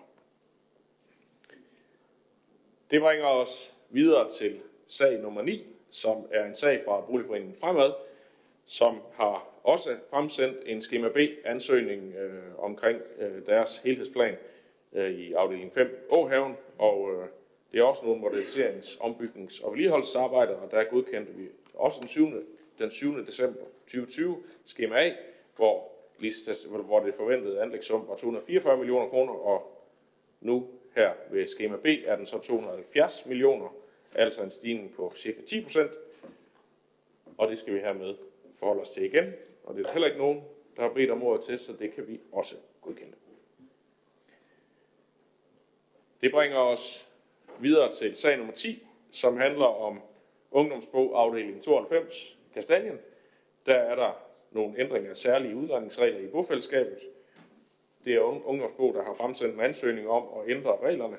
Øh, og den 20. april, der har, den 20. april 2020, der har byrådet godkendt udlejningsreglerne i bofællesskabet.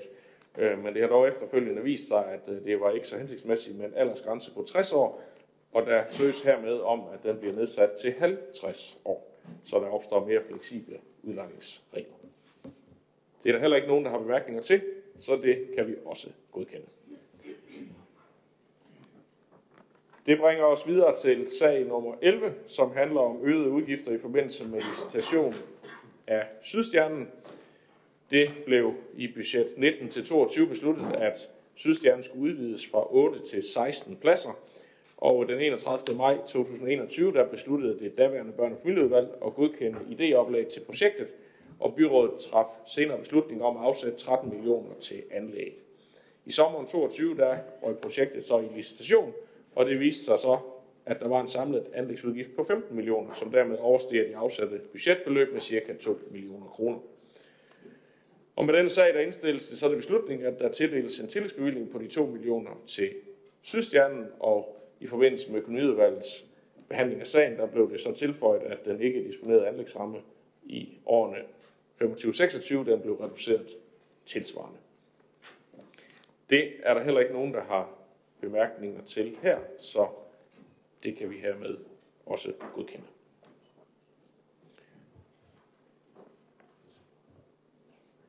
Det bringer os videre til sag nummer 12, som handler om øgede udgifter i forbindelse med Kastanje Allé 6-8.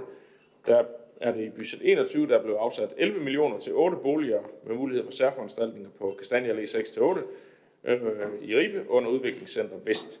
I sommeren 22 der blev det projekt sendt i licitation, og der endte licitationsresultatet på en samlet anlægsudgift på ca. 18 millioner, hvilket jo cirka 7 millioner mere end først budgetteret. Og her lægges der så op til en tillægsbevilling på de 7 millioner, og det har økonomiudvalget så håndteret på tilsvarende vis som sagen før, nemlig med at beslutte, at den ikke disponerede anlægsramme nedskrives tilsvarende, og det kan jeg se, at der ikke er nogen, der har bemærkninger til, så det kan vi også beslutte her i byrådet. Det bringer os videre til sag nummer 13, og nu når vi til nogle sager, jeg ikke skal fremlægge dem alle sammen længere, så øh, nu er det øh, en sag omkring lempelse for dagtilbud til personer fordrevet fra Ukraine, en sag fra børns skoleudvalg, så Diana Mos Olsen, du får ordet nu. Værsgo. Tak for det. I marts 22 der vedtog et flertal i Folketinget en særlov, øh, der havde til hensigt at sikre, at personer, der er fordrevet fra Ukraine, hurtigt kan få en midlertidig opholdstilladelse i Danmark. Den midlertidige opholdstilladelse det giver blandt andet adgang til skole og dagtilbud. I takt med, at de ukrainske børn og unge er blevet en del af den danske skole- og dagtilbudssystem, så er der nogle udfordringer, der er blevet tydelige. Opgaven den har været stor, og den har været mange facetteret. Facettet, noget i den stil. Derfor er der sidst i maj 22 vedtaget en ny lov om lempelser i forhold til blandt andet dagtilbudsloven. Denne sag beskriver de relevante lempelser, den nye lov bibringer på dagtilbudsområdet, og udvalget de skal tage stilling til, at dagtilbud efter en individuel vurdering kan undlade at foretage sprogvurderinger af børn fordrevet fra Ukraine, og at kravene om forældrenes danskkundskaber i forbindelse med tilskud til pasning af egne børn fravises.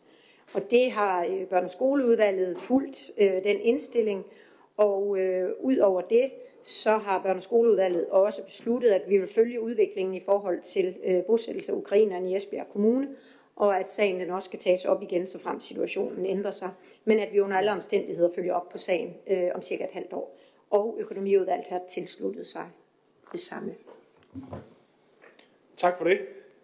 Det er der ikke andre, der har bedt om ordet til, så det kan byrådet også tilslutte sig.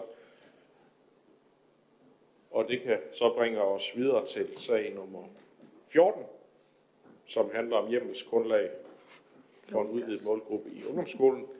Det er også en sag for børn- og skoleudvalget, Diana, så du får ordet igen. Værsgo. Ja, tak. Ungdomsskolen er et tilbud til unge mellem 14 og 18, der er tilmeldt kommunens folkeregister. Målgruppen for Esbjerg Kommunes ungdomsskole har i mange år været unge fra og med 7. klasse op til det 19. år, samt unge under 25, hvis de er under uddannelse eller arbejdsløse. Målgruppen over 18 år har i gennemsnit over de sidste fire år været ca. 100 elever per år.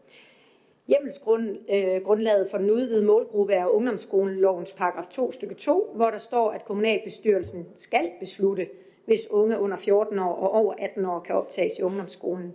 Så det vi egentlig bliver bedt om nu i dag, det er, øh, at vi skal tage stilling til, at ungdomsskolen så fortsat skal tilbyde aktiviteter for den her udvidede målgruppe, som de er kommet til at gøre i et stykke tid.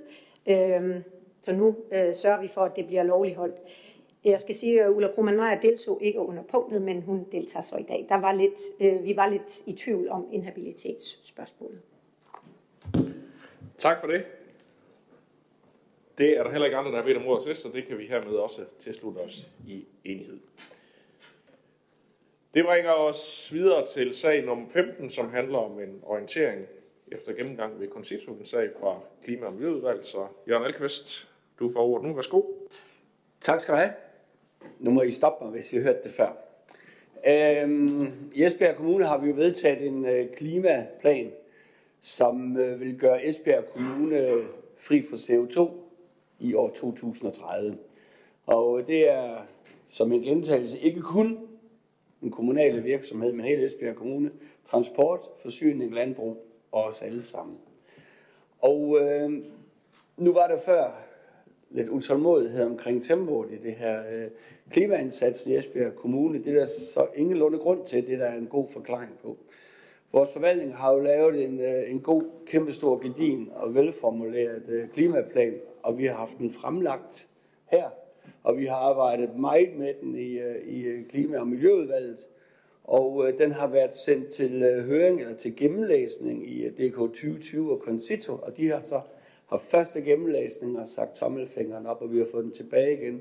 Og vi er så så heldige, at vi har fået lov til at sende den til anden gennemlæsning, fordi der var en del, de sådan set øh, undrer sig lidt over. Vi har fokuseret ekstremt meget på klimaindsatsen fra nu og til 2030. Det de så spørger, fuldt berettiget, det vil sige, hvad, skal I ikke lave noget fra 2030 til 2050? Jo, det skal vi i hvert fald. Vi skal virkelig lave en masse indsatser, så siger, kan I ikke tage og beskrive lidt af det? Øh, og det har vores forvaltning så gjort og sendt det tilbage, og det er selvfølgelig vores indsatser omkring skovrejsning og udtalelse af lavbundsjord og flere andre ting, som fortsætter efter 2030. Men i, øh, i vores øh, øh, naturlige begejstring har vi jo lagt fokus på, på, på, på tempoet frem dertil. Vi har så haft den sendt ind igen igen, og vi har så fået den tilbage igen igen med tommelfingrene op. Og øh, det er derfor, jeg skal give den orientering her i dag. Øh, og øh, som det ganske rigtige, er, der er blevet kommenteret, er jo, at nu står vi foran budgetforhandlingerne, og vores øh, klimaplan, indsatsen skal øh, implementeres med et trods alt lille beløb øh, over de næste 10 år. Øh, og, øh, nej, jeg skal ikke tage forskud på, på andet bare lige glæde mig over, at der var stor opbakning til klimaplanen. Men det er altså årsagen til, at vi har den på igen, og det er årsagen til, at øh, vi står her, hvor vi gør. Og nu har øh, landets øh, fremmeste eksperter på området kigget os over skulderen igen igen og sagt, sådan, der er den Esbjerg, kør. Og det er jeg faktisk stolt af at kunne stå og sige til jer i dag på, på vegne af alle de mennesker, der er involveret i den her proces. I skal ikke godkende det, jeg har sagt. Det er en efterretning. I skal, eller det er en orientering, I skal tage til efterretning. Det håber jeg så, ikke er.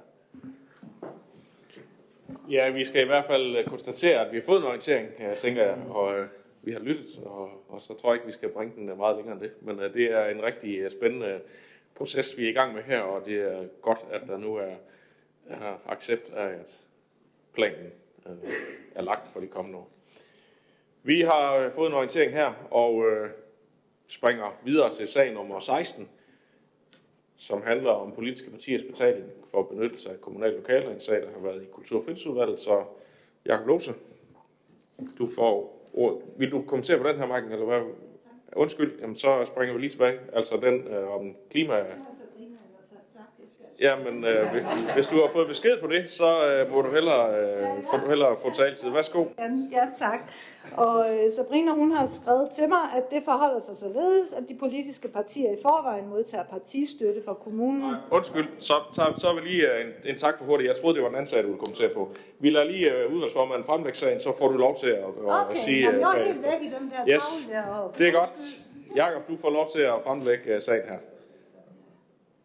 Og så skal vi lige... Uh, ja, prøv lige at gøre det. Og så gør jeg sådan. Yes, jeg plejer ellers at være en gentleman og lade damerne komme først, men det er måske fint nok, at I lige forelægger sagen, sagen inden at øh, du får ordet til den. Så så kan du få den bagefter. Jamen, øh, i forlængelse med indførelse af foreningsbetaling af gebyr for benyttelse af kommunale faciliteter tilbage i 2014, der blev det ved samme lejlighed besluttet at opkræve betaling svarende til markedslejen for politiske partiers benyttelse af kommunale lokaler.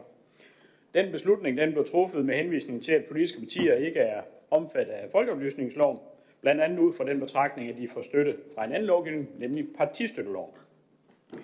Forvaltningen er dog blevet gjort opmærksom på en udtalelse fra Økonomi- og Indrigsministeriet fra 2015, hvor det blandt andet fremgår, at politiske partier faktisk kan godkendes efter folkeoplysningsloven efter en konkret vurdering, og dermed få stillet kommunale lokaler til rådighed til indtal møder efter denne lovgivning, og det er derfor, vi har den her sag her i dag.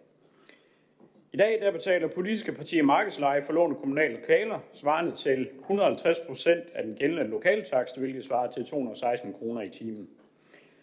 Vi har drøftet sagen i Kultur- og Fritidsudvalget øh, faktisk af et par omgange, og vi har blandt andet bedt forvaltningen undersøge praksis i en række andre kommuner. Og det man kan sige ud fra den undersøgelse, det er, at der ikke rigtig er nogen fælles praksis, udover at man i de sammenligningskommuner, som vi har fået svar tilbage fra, ikke har godkendt partierne som værende folkeoplysning. Til gengæld så er der vidt forskellige modeller for partiers lån af kommunale lokaler, men øh, kendetegnet er dog, at de fleste kommuner har noget, som der ligner øh, foreningsvilkår for den del. I Esbjerg Kommune der har vi tre forskellige foreningskategorier. Kategori 1, det er der, hvor langt størstedelen af vores foreninger er. De foreninger, som der primært er for børn og unge. Øh, der betaler man 9% gebyr. Kategori 2, det er foreninger med primært voksne medlemmer, herunder eksempelvis billiard, jagt, madlavning, motorforeninger og lignende. Der betaler man 25% gebyr.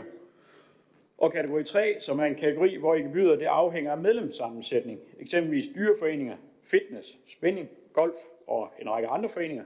Der betaler man fra 25% op til 100% gebyr, alt efter hvor stor en andel af over 25-årige medlemmer man har. Forvaltningen listede fire forskellige alternativer op, men øh, vi er jo kreative udvalg, så vi endte sådan set på en helt femte model. Vi nåede frem til ikke at godkende politiske partier som en øh, folkeoplysende forening. Ikke på grund af deres virke, fordi alle os, der sidder her, vi synes jo i allerhøjeste grad, at det at drøfte politik er meget folkeoplysende, men fordi at de opnår partistøtte. Derfor valgte vi at anbefale byrådet, at man derudover, der valgte vi at anbefale byrådet, at man giver mulighed for, at partierne de opnår foreningslignende vilkår i forbindelse med lån af kommunale lokaler. Og vi har valgt, at gebyret det fastlægges til 50% af aktivitetstimeprisen, hvilket svarer til, at man lægger den et eller andet sted i kategori 3. Og øh, det har økonomiudvalget også behandlet, så jeg kan på vegne af Kultur- og Fritidsudvalget og økonomi, økonomiudvalget anbefale byrådet at følge den indstilling. Tak for det. Og så Maiken, så tror jeg, at du får lov til at få ordet nu. Øh, det prøver jeg lige at tænde for din mikrofon. Værsgo. Jo, tak for det. Øh, jamen altså, det er nye borgerlige selvfølgelig imod, at, øh, at sta- øh, skatteyderne de skal betale for, at vi låner lokaler. Og øh, vi modtager i forvejen partistøtte fra kommunen og i forbindelse med medlemsbetaling. På denne baggrund ser nye borgerlige ingen grund til, at politiske partier skal have givet tilskud efter folkeoplysningsloven.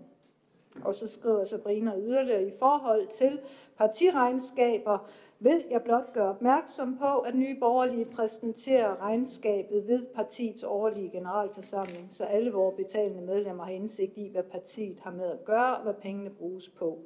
Og det tror jeg egentlig, I alle sammen gør. Tak for ordet. Tak for det. Så er det øh, Mikkel Lammespil. Ja, det er da godt at vide. Øhm, ja, øhm, punktet om øh, politiske partier, de skal godkendes som folkeoplysende, det synes jeg, og det synes vi, er blevet diskuteret godt og grundigt i kultur og fritid. Det er ikke min opfattelse, at politiske partier skal sidestilles med teaterklubber, møntsamlere eller fritidsklubber, eller forhold fitnessklubber for den sags skyld. Og en afgørende forskel, som Mike nu også peger på her, det er jo, at politiske partier, de som oftest modtager støtte og tilskud centralt fra. Men jeg kan så samtidig støtte op om følgen, nemlig at politiske partier ikke godkendes som folkeoplysende, men at politiske partier kan låne lokaler til 50 procent af øh, aktivitetstimeprisen, som øh, kultur- og fritidsudvalget vi går, eller som jeg lige fortalt her. Tak for det, og Jakob har bedt om ordet igen, så værsgo. Ja, bare lige en lille præcisering. Det, som vi snakker om her, det er jo ikke, at vi giver øh, de her de politiske partier tilskud. Vi snakker om, hvad gebyret for lån skal være. Så det er jo klart, hvis man siger, at øh, det ikke har nogen indflydelse på øh, anvendelsen, så bliver det jo selvfølgelig en lille smule billigere, men vi har altså lokalerne stående til rådighed alligevel, kan man sige. Men, så det var egentlig bare lige en opklaring af det. Tak for det. Så er det Nikolaj Aarø. Ja, det var egentlig bare lige en kort bemærkning, og vi kan egentlig kun støtte op omkring øh, indstillingen, som, øh, som øh, kultur- og fritidsformanden kommer med her. Det er en, øh, en sag, som vi har vendt og drejet meget i udvalget, og jeg synes egentlig, det er en rigtig god løsning på det. Husk, øh, da jeg også bad om at øh, forvaltningen sammen med resten af udvalget at få en, en oversigt over, hvad man, man gør i andre kommuner, og hvad præcedens er. Og der er altså ikke nogen rød tråd. Man gør det på, øh, på ja, 98 forskellige måder. Og, øh, og derfor synes jeg, det er en rigtig fin løsning, man kommer til her. Så jeg kan selvfølgelig kun bakke op om. Tak. Der er ikke flere, der har bedt om ordet. Øh, og skulle jeg betragte dit indlæg, Marken, som om, at øh, I vil stemme imod det, som økonomiudvalget har, og kulturfritidsudvalget har besluttet? Altså, i hvert fald mener vi ikke, at vi skal modtage nogen som helst form for, for, for støtte. Nej, der er heller ikke...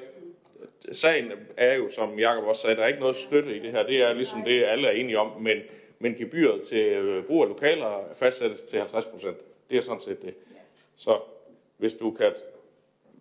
Jamen altså, hvis det, det er det bedste til, så, øh, Jamen, det er jo... så betaler vi jo for den, ikke? Yes, men det er jo... Jeg, er jo nej, det er det præcis ikke, men det er sådan set bare et spørgsmål, om du stemmer imod eller for det. Det er jo nødt til at tage stilling til her. Du, som du svarer det nu, Det, det, det tænker jeg ikke, jeg Der må du godt hjælpe Mike, Ja. at Sabrina stemte for i udvalget. Ja, godt. Tak for det hun sidder jo ikke i øh, kulturfritidsudvalget. Så, så det er... Øh, Nej, nej. Så det er ikke... øh, Jeg tror... øh, Ja. ja.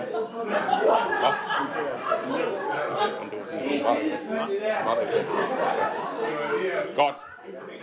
Det, der blev sagt, det var det, at du hjælper Jan, hun stemte for i økonomiudvalget. Ja, hun, del, hun var ikke til stede i økonomiudvalget, så jeg tænker, I, hvor velvillig I end prøver på at hjælpe, så øh, er det Maiken, der som den første skal tage stilling fra Nye Borgerlige til den her sag.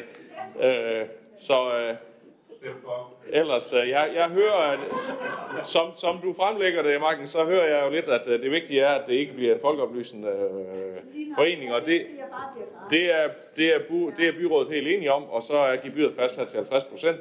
Og hvis du, hvis du er med på det, det hører jeg, du er, så er byrådet hermed enige om at godkende sagen. Det er godkendt. Og det bringer os videre til sag nummer 17, som er også en sag for Kultur- og Fritidsudvalget. Det handler om Ribe Sejklub.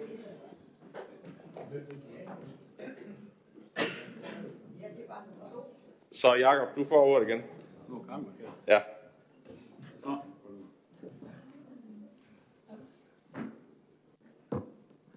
Skal jeg se, om jeg kan gøre noget. Sådan. Ja, yes. så er det på igen. Jeps det her det drejer sig om øh, Ribes Sejlklub, som der, er, som der er sendt ansøgning om forhold til anlægstilskud til etablering af en flydebro nede ved Kammerslusen. Øh, de har fremsendt en ansøgning om forhøjelse af den tidligere øh, bevilgede, øh, det tidligere bevilgede tilskud på 800.000 kroner. Og Sejlklubben de har arbejdet med den her etablering i en overrække, og byrådet valgte så tilbage i 2020 at afsætte de her 800.000 kroner til øh, flydebro. Den skulle egentlig have været etableret i 2021, men den blev udskudt, da man afvendte dispensationer fra både naturbeskyttelseslov og vandløbsloven. Og i mellemtiden så er der altså desværre sket det, at projektet er flere omgange stedet voldsomt i pris, blandt andet på grund af store prisstigninger på især træ og stål, hvilket skyldes både stigende efterspørgsel og massiv mangel på materialer samt arbejdskraft. Om det så kommer også øget fragtomkostninger, blandt andet som følge af covid-19, og det er faktisk også forventningen, at hvis man, øh, hvis man nu udskyder projektet yderligere, så vil der også påløbe yderligere prisstigninger på, grund, på transport på grund af krigen i Ukraine. Samtidig så er der risiko for, at fondsmidlerne, som er bevilget til projektet, de bortfalder, hvis det skubbes til 2023 eller senere. Så samlet set er projektet af de nævnte årsager steget fra 2,2 millioner kroner til 3,9 millioner kroner, hvilket svarer til en prisstigning på 72 procent. Sejlklubben har fundet frem til, at de kan bidrage med yderligere 876.000 kroner til projektet, og de har herefter en likvid beholdning øh, på ca. 200.000 kroner. Herefter der anmoder Sejlklubben byrådet om en forøgelse af anlægstilskuddet med 286.000 kroner, hvilket vil bringe den samlede, det samlede, samlede kommunale tilskud op på godt 1,1 million kroner. Da der var tale om en beslutning truffet i forbindelse med budgetforlidet for 21, så fremsendte Kultur- og Fritidsudvalget sagen til økonomiudvalget med henblik på vurdering af tillægsbevillingsbehov. Og i økonomiudvalget der valgte vi at godkende sagen med den bemærkning, at den ikke disponerede anlægsramme i 2025 og 26 reduceres tilsvarende. Og jeg vil anbefale byrådet, at vi gør det samme her. Tak for det. Der er et par stykker, der har meldt sig. Den første var Karen Sandrine. Tak. Ribe Sejlklub har, som så mange andre, oplevet konsekvensen af de stigende materialepriser. Og det er svært, når man står med et godt projekt, som man har arbejdet hårdt for at nå i mål med. Men den økonomiske tilkendegivelse, som allerede var i hus fra Esbjerg Kommune på 800.000, var øh, finansieringen af flydebroen i, i hus, og projektet kunne realiseres til stor glæde for området omkring Kammerslusen. Men verden kan hurtigt ændre sig, og en god beslutning og en god situation kan på kort tid se sort ud. Derfor er vi i Socialdemokratiet glade for, utrolig glade for den håndsrækning på lidt mere end 286.000, vi giver Ribe Sejlklub øh, i en tillægsbevilling. Mikkel Amitsbøl fra SF og jeg har afholdt møder med Ribe Sejlklub i den forbindelse. Dejligt, at vi nu kan være i mål øh, med et godt projekt, som er arbejdet eller udarbejdet af Ribe Sejlklub. Tak for ordet. Tak for det. Og øh, det kan være, at næste tal kan bekræfte det. Det er i hvert fald Mikkel, der har bedt om ordet, så værsgo. Øh, det vil jeg gøre så. Jeg vil bare bekræfte, at jeg har siddet sammen med Karen ude i Rive Øh, så vil jeg sige, det er, øh, altså, så i stedet for at gentage, hvad Karen lige har sagt, så vil jeg sige, at jeg synes, at det er, det er glædeligt, at øh, man er kommet frem til, at øh, man har lagt den her tillægsbevilling. Fordi der er ingen tvivl om, at det her, at materialerne er blevet dyre, og den her uvidshed, der har været ude i sejlklubben, er noget, der har reddet formanden og klubben hårdt. Og derfor så er det, øh, så vil jeg bare sige igen, jeg synes jo, det er glædeligt, at man er nået frem til det her, fordi det giver i hvert fald øh, sejlklubben, eller sejlklubben øh, ro, og det giver vidshed for, at projektet kan gennemføres. Så øh, stor ros. Absolut. Tak for det. Og med de bemærkninger kan vi hermed godkende økonomiudvalg. Nej, det kan vi ikke, Jørgen Bosen. Vil du også sige lidt til? Jeg fik lige lyst til at... Værsgo. Ja, men det, jeg synes da nok, jeg havde konstateret, at der ikke var flere. Fordi jeg synes jo egentlig, at det er rigtig godt gået af Ribe Sejlklub, at de i starten gav 27 procent, men nu har de så forhøjet det til, er det ikke 47 procent, der står i sagen?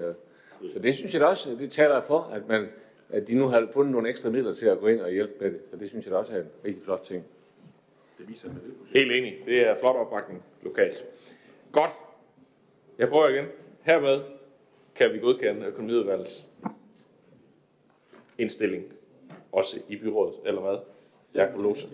Du er, du er allerede foran. Vi øh, bringer os øh, videre til sag nummer 18. En sag, som handler om aftenskoleområdet. Også en sag for Kultur- og Fritidsudvalget, så Jakob Lose, værsgo. Jamen, tak for det. Øh, det er nemlig sådan, at der er kommet nogle, noget forslag til nyt regelsæt og ændret procedurer. Forvaltningen har i samarbejde med Samrådet for Fritidsundervisning i Esbjerg Kommune udarbejdet et nyt forslag til regelsæt for den folkeoplysende voksenundervisning med tilbagevirkende kraft, så det vil altså sige med virkning fra 1. januar her i år. Og øh, jeg har jo læst sagen, men jeg vil alligevel lige fremhæve nogle, øh, hvad skal man sige, de, de vigtigste highlights. Det er lidt fejnsmækkeri det her, men det er byrådet, der, der godkender ændringerne, så det er derfor, at I lige får, får sagen her. Den, en af tingene, det var forslag til ændring af frist for ansøgning af tilskud. Samrådet har et ønske om at ændre ansøgningsfristen fra den 1. november til den 1. december, da aftenskolerne på den måde har bedre tid til at planlægge den kommende sæson. Så det er den første. Så noget omkring lokaltilskud. Hvis øh, aftenskolerne har fået udbetalt for meget eller for lidt af kontolokale tilskud, så vil tilskud blive reguleret i forbindelse med regnskabsaflæggelsen. Ændringen den er sket for at give aftenskolerne de samme vilkår på lokaltilskudsområdet som de folkeoplysende foreninger. Og den sidste, det er så omfordeling af undervisningstilskud. Vi har i tidligere kultur- og fritidsudvalg besluttet, at der på aftenskoleområdet ikke længere kan forventes en efterregulering af undervisningstilskud, hvis den enkelte aftenskole har afholdt mere undervisning, end der er givet af kontotilskud til. Samrådet ønsker derfor at foretage en intern omfordeling af undervisningstilskuddet i løbet af året. I praksis kommer det til at ske ved, at aftenskolerne internt drøfter, om der er behov for omrokering af undervisningstilskuddet indbyrdes mellem aftenskolerne, så de finder sådan set ud af det her selv, men det er så det, vi skal give dem lov til. Samrådet indsender forslag til omfordeling af kontotilskuddet for indeværende år til forvaltningen senest den 1. november, hvorefter forvaltningen administrativt sørger for omfordeling. Aftenskolerne de skal fortsat aflægge regnskab hver år, de aftenskoler, der har modtaget for meget undervisningstilskud, de vil få tilsendt regulering med tilbagebetaling til Esbjerg Kommune.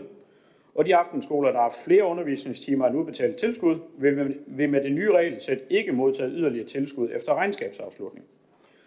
Da aftenskolerne ikke har haft mulighed for at foretage denne omfordeling ultimo 21, vil der for regnskabsåret 21 fortsat være et efterreguleringsbehov for undervisningspuljen. Reguleringen den vil for 21 blive foretaget ud fra den indtil nu gældende praksis. Det vil sige, at de aftenskoler, som har gennemført mindre undervisning end forventet, skal tilbagebetale for meget udbetalt tilskud, som så kan fordeles forholdsmæssigt til de aftenskoler, som der har gennemført undervisning uden tilstrækkeligt tilskud. Så kort kan det gøres. Sagen har været i KFU og ØU, og jeg vil anbefale byrådet, at vi følger indstillingen. Tak for det. Der er simpelthen ikke nogen, der har brug for at få det penslet med ud, så alle er godt informeret og enige. Og hermed kan vi også godkende sag nummer 18.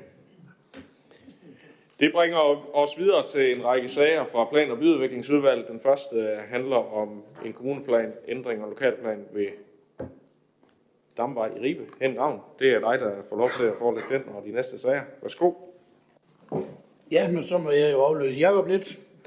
Ribe Byferie de har behov for og ønsker om at udvide servicefaciliteterne på deres eget areal ved centret på Damvej i Ribe.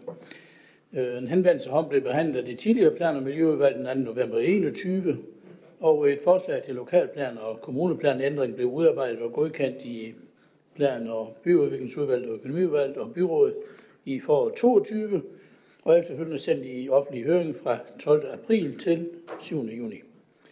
Herunder indkom der to høringssvar.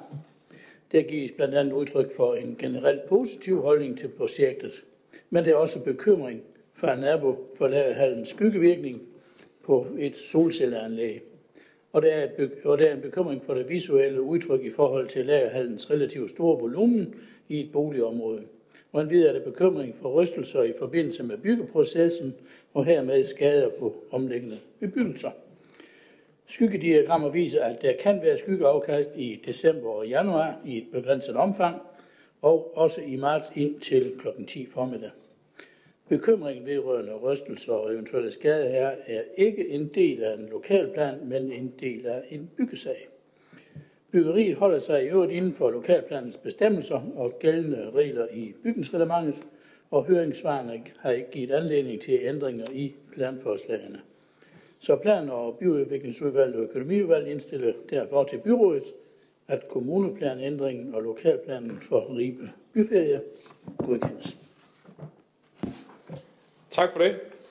Det er der ikke andre, der har bedt om ordet til, så det kan vi hermed beslutte i enighed. Og det bringer os videre til sag nummer 20, som er kommuneplan sag fra Bramming. Værsgo Henning, du får igen. Ja, og det er godt nok en af de helt store, tror jeg. Øh, selvom jeg her har skrevet, at det er en, lille, en sag om en lille kommuneplanændring, som skal sendes i 8 ugers høring. Det er fordi lægehuset på Idrætsallé i Bramming, der er indrettet i en tidligere flygtningebarak, øh, skal ombygges. Det kræver en ganske lille udvidelse af det offentlige område, og derfor er der behov for en mindre ændring af kommuneplanen. Og det har samtidig givet anledning til at opdatere plangrundlaget for den sydligste del af Idrætsallé med henblik på at opnå et retvisende plangrundlag. Og på den måde vil det planmæssige snit mellem kirkegården og boligområdet samt afgrænsningen af boligerne i området afspejle områdets faktiske anvendelse. Man har gennemført en tre ugers idéhøring fra 6. til 27. juli, uden at der dog kom bemærkninger til forslaget. Så såvel plan og byudviklingsudvalget og økonomiudvalget indstiller til byrådet, at kommuneplanændringen sendes i 8 ugers offentlig høring. Og det er der ikke nogen, der har nogen bemærkninger til, så det kan vi hermed gøre. Det bringer os videre til sag nummer 21, som er en godkendelse af den strategiske cykelplan. Også en sag, der er, er under fremlæggelse fra plan- og byudviklingsudvalget. Henning, du får ordet igen. Ja, det er ikke meget ro her. Esbjerg Kommune vil gerne være en rigtig god cykelkommune. Og øh, efter en længere proces, hvor der er gjort meget for at inddrage borgerne gennem spørgeskemaundersøgelser, undersøgelser, en borgersamling, workshop og slutlig en fire ugers høring fra 31. maj til 30. juni i år, så fremlægges den strategiske cykelplan for, to, for 2022 til 2026 nu for byrådet med henblik på godkendelse. Den strategiske cykelplan rammer bredt på tværs af de forskellige forvaltningers interesser i forhold til cykelfremme. Netop derfor er det vigtigt, at der etableres et cykelnetværk med deltagelse af repræsentanter fra samtlige forvaltninger med henblik på, at arbejdet koordineres. Man kan sige, at det er således, at der skal være en rød tråd i arbejdet med cykelfremme. I sundhed og omsorg skal der udarbejdes en cykelpolitik i regi af bevæger for livet, og det er hensigten, at såvel denne politik som den strategiske cykelplan skal indgå i cykelnetværkets arbejde. Hvis der i cykelpolitikken, når den formentlig i 2023 er godkendt i byrådet, er elementer, der ikke er i overensstemmelse med den strategiske cykelplan, så revideres cykelplanen, så den kan bidrage til realisering af cykelpolitikken. I høringsperioden er der indkommet 17 høringssvar, og langt de fleste omhandler ønsker om flere cykelstier og bedre vedligeholde, og bedre vedligeholde af cykelstier. En spørgeskema undersøgelse om, hvad der kunne motivere flere til at cykle, giver stort set lignende svar. Flere cykelstier, bedre sikkerhed for cyklister i trafikken og en videre mulighed for mere motion og et sundere liv. Vi har gennem de senere år anlagt nogle 30 km cykelsti, og også på andre måder forsøgt at give cyklister bedre forhold, blandt andet ændringer i vejkryds, cykelgade, cykelparkering osv. Så er det jo påfaldende, at når danskernes transportvaner undersøges, viser det sig, at antallet af rejser foretaget på cykel gennem de senere år er faldet. I tiden fra 2010, hvor det udgjorde 20 procent, til 2018, hvor det kun var 17 procent. Altså er der et stort potentiale, og der er i planen givet mange forskellige forslag til, hvordan vi fremmer cyklismen. Så kan man jo her på det seneste også konstatere, at de stigende energipriser vil også have en god motivation for at tage cyklen frem for bilen.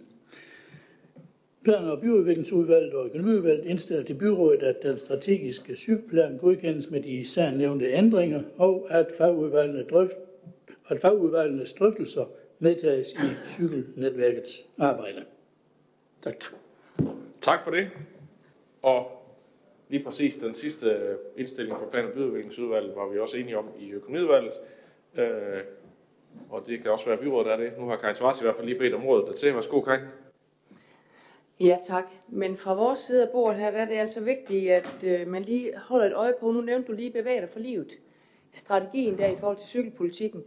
Og der har vi altså også et A- og et B-hold. Hvis vi vil have flere på cyklen, og der er mange, der trænger til at komme på den, så kan jeg i hvert fald sige, at på det område, hvor der også fattes penge på socialområdet, der er der mange børn, der ikke har en cykel. Så jeg prøver bare lige igen at slå til lyd for, at når vi kigger på den her ned over det hele, så har vi altså en gruppe mennesker, som ikke ejer en cykel. Så alt den stund, vi kan tænke det ind på alle de områder, hvor vi er på, øh, så skal vi lige huske det også. Det er ikke alle, der kan komme på en cykel. En og alene af den grund, at de ikke har en. Tak for ordet. Selv tak, og jeg kan bekræfte, at det har du også nævnt, når vi har haft drøftelser i Bevægelser for Livet, så det er ikke første gang, at øh, den øh, dagsorden bliver rejst. Men der er ikke nogen, der har ytret ønsker om og ikke at ville støtte planen, så dermed kan vi også godkende den strategiske cykelplan i enhed med den indstilling, som Plan- og udviklingsudvalget og Økonomiudvalget har godkendt. Det bringer os videre til sag nummer 22. En sag, der handler om udarbejdelse af en støjhandlingsplan. Også en sag for Plan- og Byudviklingsudvalget. Henning, du får fornøjelsen igen. Vær så god. Tak skal du have. I forbindelse med vedtagelsen af budgettet for 2021 til 2024 blev der afsat 500.000 i 22 til udarbejdelse af en ny støjhandlingsplan. Forvaltningen modtager rigtig mange henvendelser om støj langs veje, og mange borgere er i dag udsat for støj, der ligger over den vejledende grænseværdi, som er på 58 decibel, som Miljøstyrelsen har fastsat. I vores kommune er der rent faktisk mere end 16.000 boliger ifølge vores støjkortlægning, som er udsat for støj over den, denne grænseværdi. Her er lidt flere end halvdelen af boligerne alene i Esbjerg. Forskning viser, at der i 2019 døde flere end dobbelt så mange af følgesygdomme hidrørende fra vejstøj, som der var trafikdræbte. Tankevækkende. Så for en byrådet om et øjeblik godkender udarbejdelsen af planen, vil den blive brugt som grundlag for en politisk prioritering af de tiltag, der vil blive anbefalet. Med de ord indstiller plan- og byudviklingsudvalget og økonomiudvalget til byrådet, at den i budgettet afsatte anlægsbevilling på kroner 500.000 til udarbejdelsen af støjhandlingsplanen bliver frigivet. Tak. Tak for det. Det er der ikke andre, der har bedt om ordet til, så det kan vi hermed gøre enhed. Det bringer os videre til øh, sag nummer 23, som handler om en strategisk udviklingsplan for SKAS and hvornår. Også en sag for Plan- og Byudviklingsudvalget, Henning, så du fortsætter. Værsgo. Ja, og det er jo en rigtig spændende plan, som man har været i gang med her at få udarbejdet for SKAS and hvornår. Der er i tiden fra marts 21 og til en gang her i 22 udarbejdet et forslag til en strategisk udviklingsplan for SKAS and hvornår med det formål, at der udstikkes en langsigtet og strategisk fælles retning for udvikling af byerne. At byerne bevarer deres karakter som landsbyer, hvor vision, udviklingsprincipper, indsatser og tiltag støtter dette, og at der skabes grundlag for fremtidige indsatser, der skaber en større fysisk og oplevelsesmæssig sammenhængskraft mellem byerne. At der skabes grundlag for udpegninger af fremtidige arealanvendelse i og omkring byerne – og at planen er bredt lokalt forankret og afspejler lokalsamfundets ønsker og idéer for den fremtidige udvikling. Det har under hele forløbet været et stort engagement fra borgere og lokalråd, der både i grupper og plenum har arbejdet med temaer med overskrifterne som erhverv, bosætning, værtskaber, herunder energien og købmand, mødestiger, stiger i øvrigt og grøn omstilling. Der er udarbejdet særskilte bilag for hvert område, som er vedhæftet sagen. Langt, de, langt det meste er der enighed om, men enkelte ønsker om fremtidig arealudlæg kan ikke umiddelbart imødekommes. PBU har efter ønsket øh, sagt ja til at deltage i et møde med Skarsandrup Lokalråd i høringsperioden med henblik på en øh, direkte dialog. Så plan- og byudviklingsudvalget og økonomiudvalget indstiller til byrådet, at den strategiske udviklingsplan for Skarsandrup og Norge med denne teknik og miljø foreslået ændring af udpegning af boligområder mellem Skals og Andrup sendes i 8 ugers offentlig høring, og at plan- og byudviklingsudvalget mødes med lokalrådet i høringsperioden. Ja.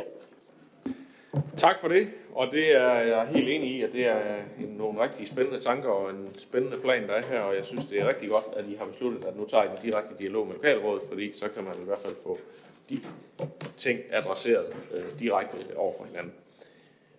Der er lige øh, lidt flere på listen, i hvert fald en enkelt Jørgen Bosen Andersen. Værsgo. Ja.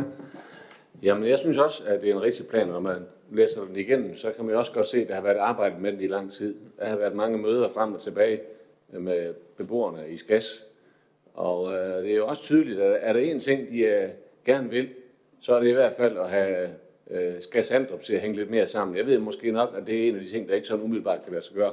Men jeg ved bare, at det er et stort ønske fra Skær Sandrup, at man kunne øh, få det opfyldt. Og så, så ved jeg også, at øh, det er, nu kommer der mange erhvervsområder ude ved Skær Sandrup øh, fremadrettet. Det, det er kun lige startet. Der kommer rigtig mange flere. Og der synes jeg også, at vi skal tænke på, at den tunge trafik øh, igennem øh, både Skas og Andrup, det, det kan virkelig blive en udfordring for dem. Og der foreslår de jo også selv, at man skulle øh, prøve at kigge på øh, øh, måske at få noget afkørsel fra motorvejen eller tilknytning til motorvejen. Så jeg synes, der er mange gode ting i den plan, og det er rigtig godt, den er blevet lavet. Og jeg synes også, det er rigtig godt, at øh, udvalget nu skal ud og snakke med lokalrådet, og det kan der garanteret kun komme noget godt ud af. Så det var bare lige det, jeg vil sige. Tak, og ja, og der er selvfølgelig også sket noget undervejs i den her proces, fra man startede til man ender med at, have det her øh, udkast, øh, som nu sendes i høring. Og det kan kun øh, blive godt af at tage sådan en direkte snak, og så må det jo, man jo se, om hvor mange af de øh, gode idéer og ønsker, der kan ende med at blive imødekommet. Henning Ravn, du vil lige kommentere sidst. Jeg synes lige, Jørgen, jeg vil sige til dig, at øh, som jeg også nævnte i min øh, indlæg, der, at, at langt de fleste ting kan vi jo fint imødekomme. Og netop de her ting med, at de gerne vil have en sammenhæng mellem byerne, er jo et af de fokusområder, der er været. Øh, og, og, og en af de ting, der der er på ønskelisten, som også kan imødekommes, det er jo noget med, at man kan gøre andre bygade og Skas bygade ens, eller lave dem sådan, at, at man føler, at man kører på den samme gade. Øh, der, hvor vi kommer lidt øh, øh til at diskutere, eller til at sige, at det ikke umiddelbart lader sig gøre det, det er et øh, udlæg til boligområdet der, hvor vi har vores transportvej ude, og hvor vi endnu ikke kender øh, vejforløbet i forbindelse med de arealudlæg, vi har til erhvervet ude. Så, så det er sådan nogle af de ting, vi lige skal have en, en snak med dem om.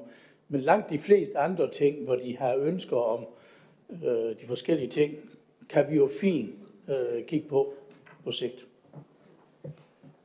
Tak for det, og det gav så lige anledning til en markering for Jørgen Bosen igen. Kort. Men jeg skal ikke kloge mig på, hvad, hvordan, hvad der er bedst for Skas og Andrup. Men jeg siger bare, at øh, jeg ved, at de har et stort ønske om at kunne lave noget bynært øh, imellem Skasse og Andrup. Og det er jeg da sikker på, at det vil øh, komme op, når I skal snakke med dem. Så derfor synes jeg, det er rigtig flot, at I tager ud og tager en dialog med dem. Tak. Så tror jeg, vi kommer rundt øh, om det, og øh, kan hermed godkende indstillingen i enhed.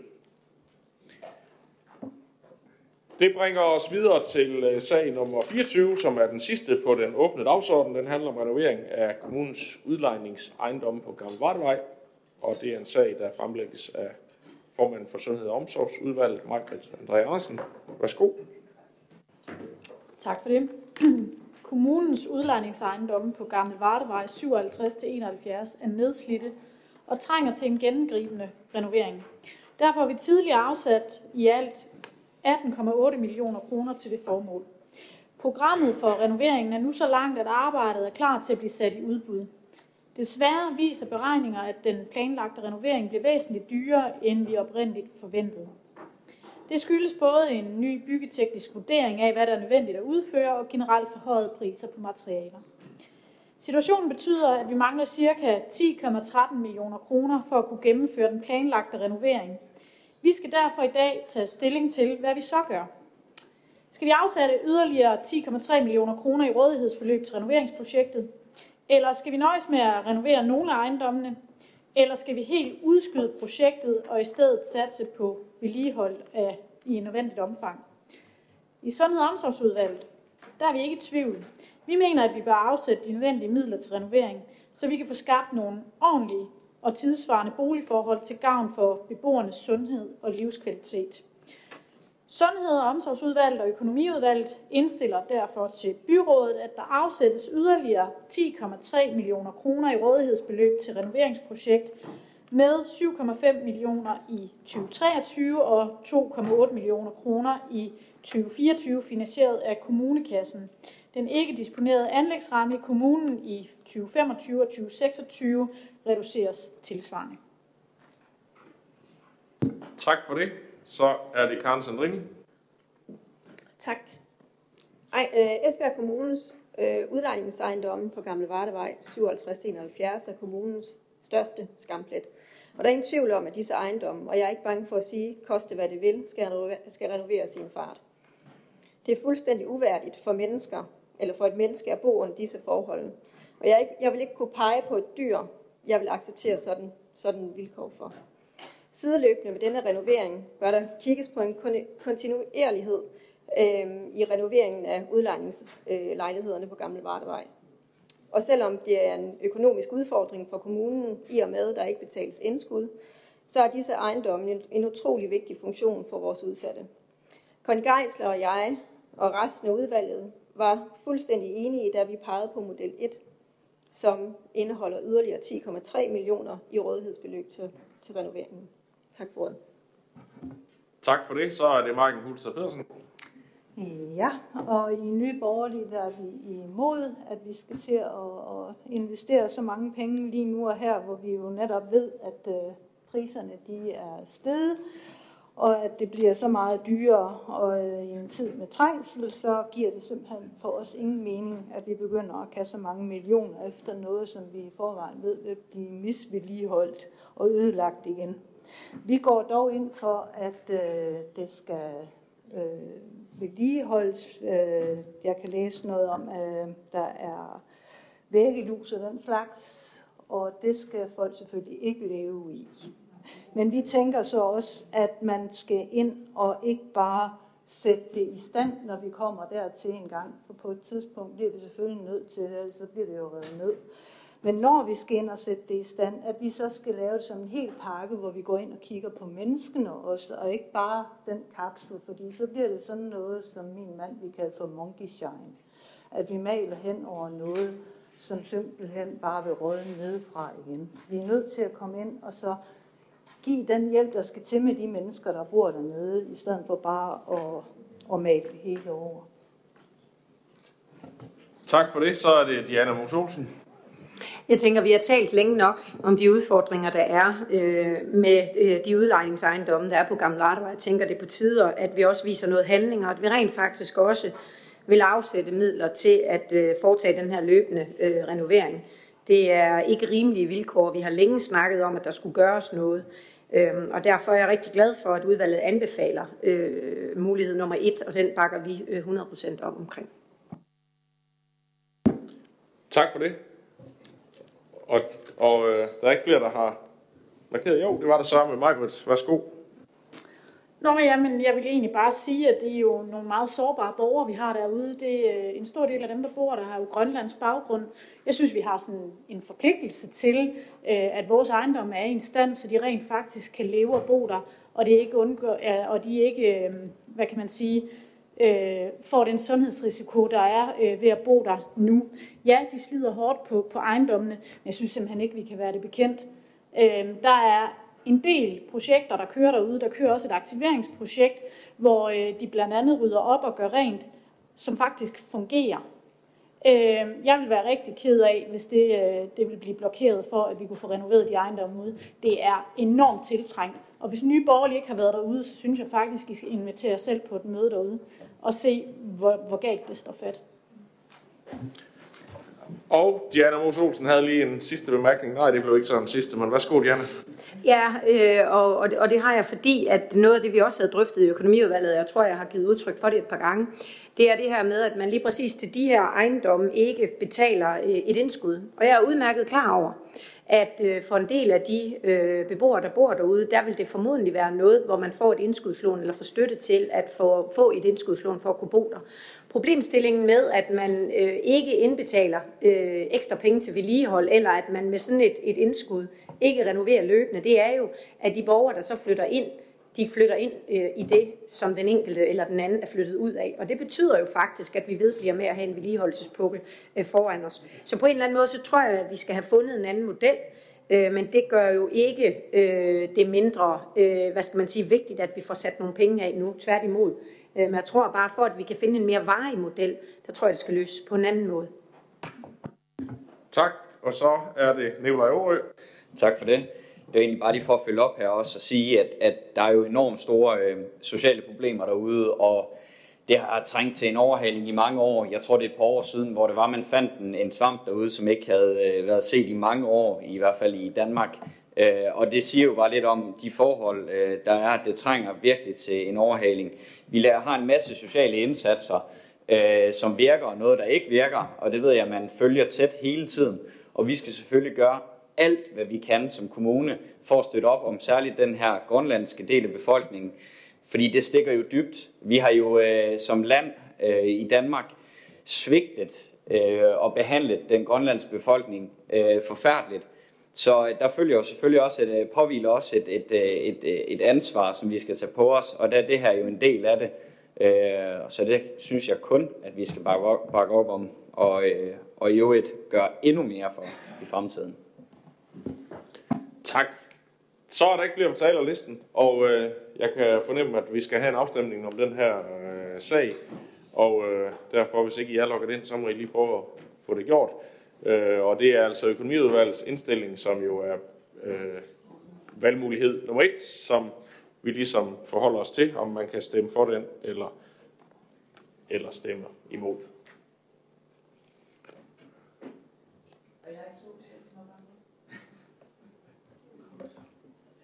Yes.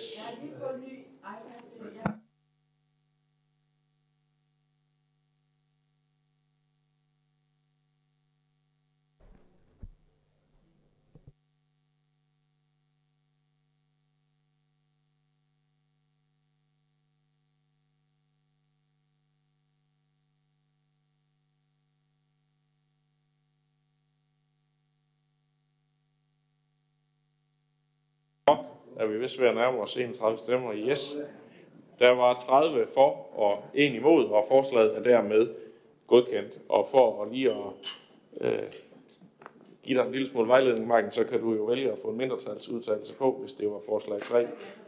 Du kan vælge at få en mindretalsudtalelse på, hvis I vil have stemt for øh, model 3, som jeg fornemmede. Øh, og, og det kan vi skrive på øh, sagen øh, på den måde. Det er det, vi gør. Og dermed er vi færdige med den åbne del af mødet. Så tak fordi I kom og kiggede med.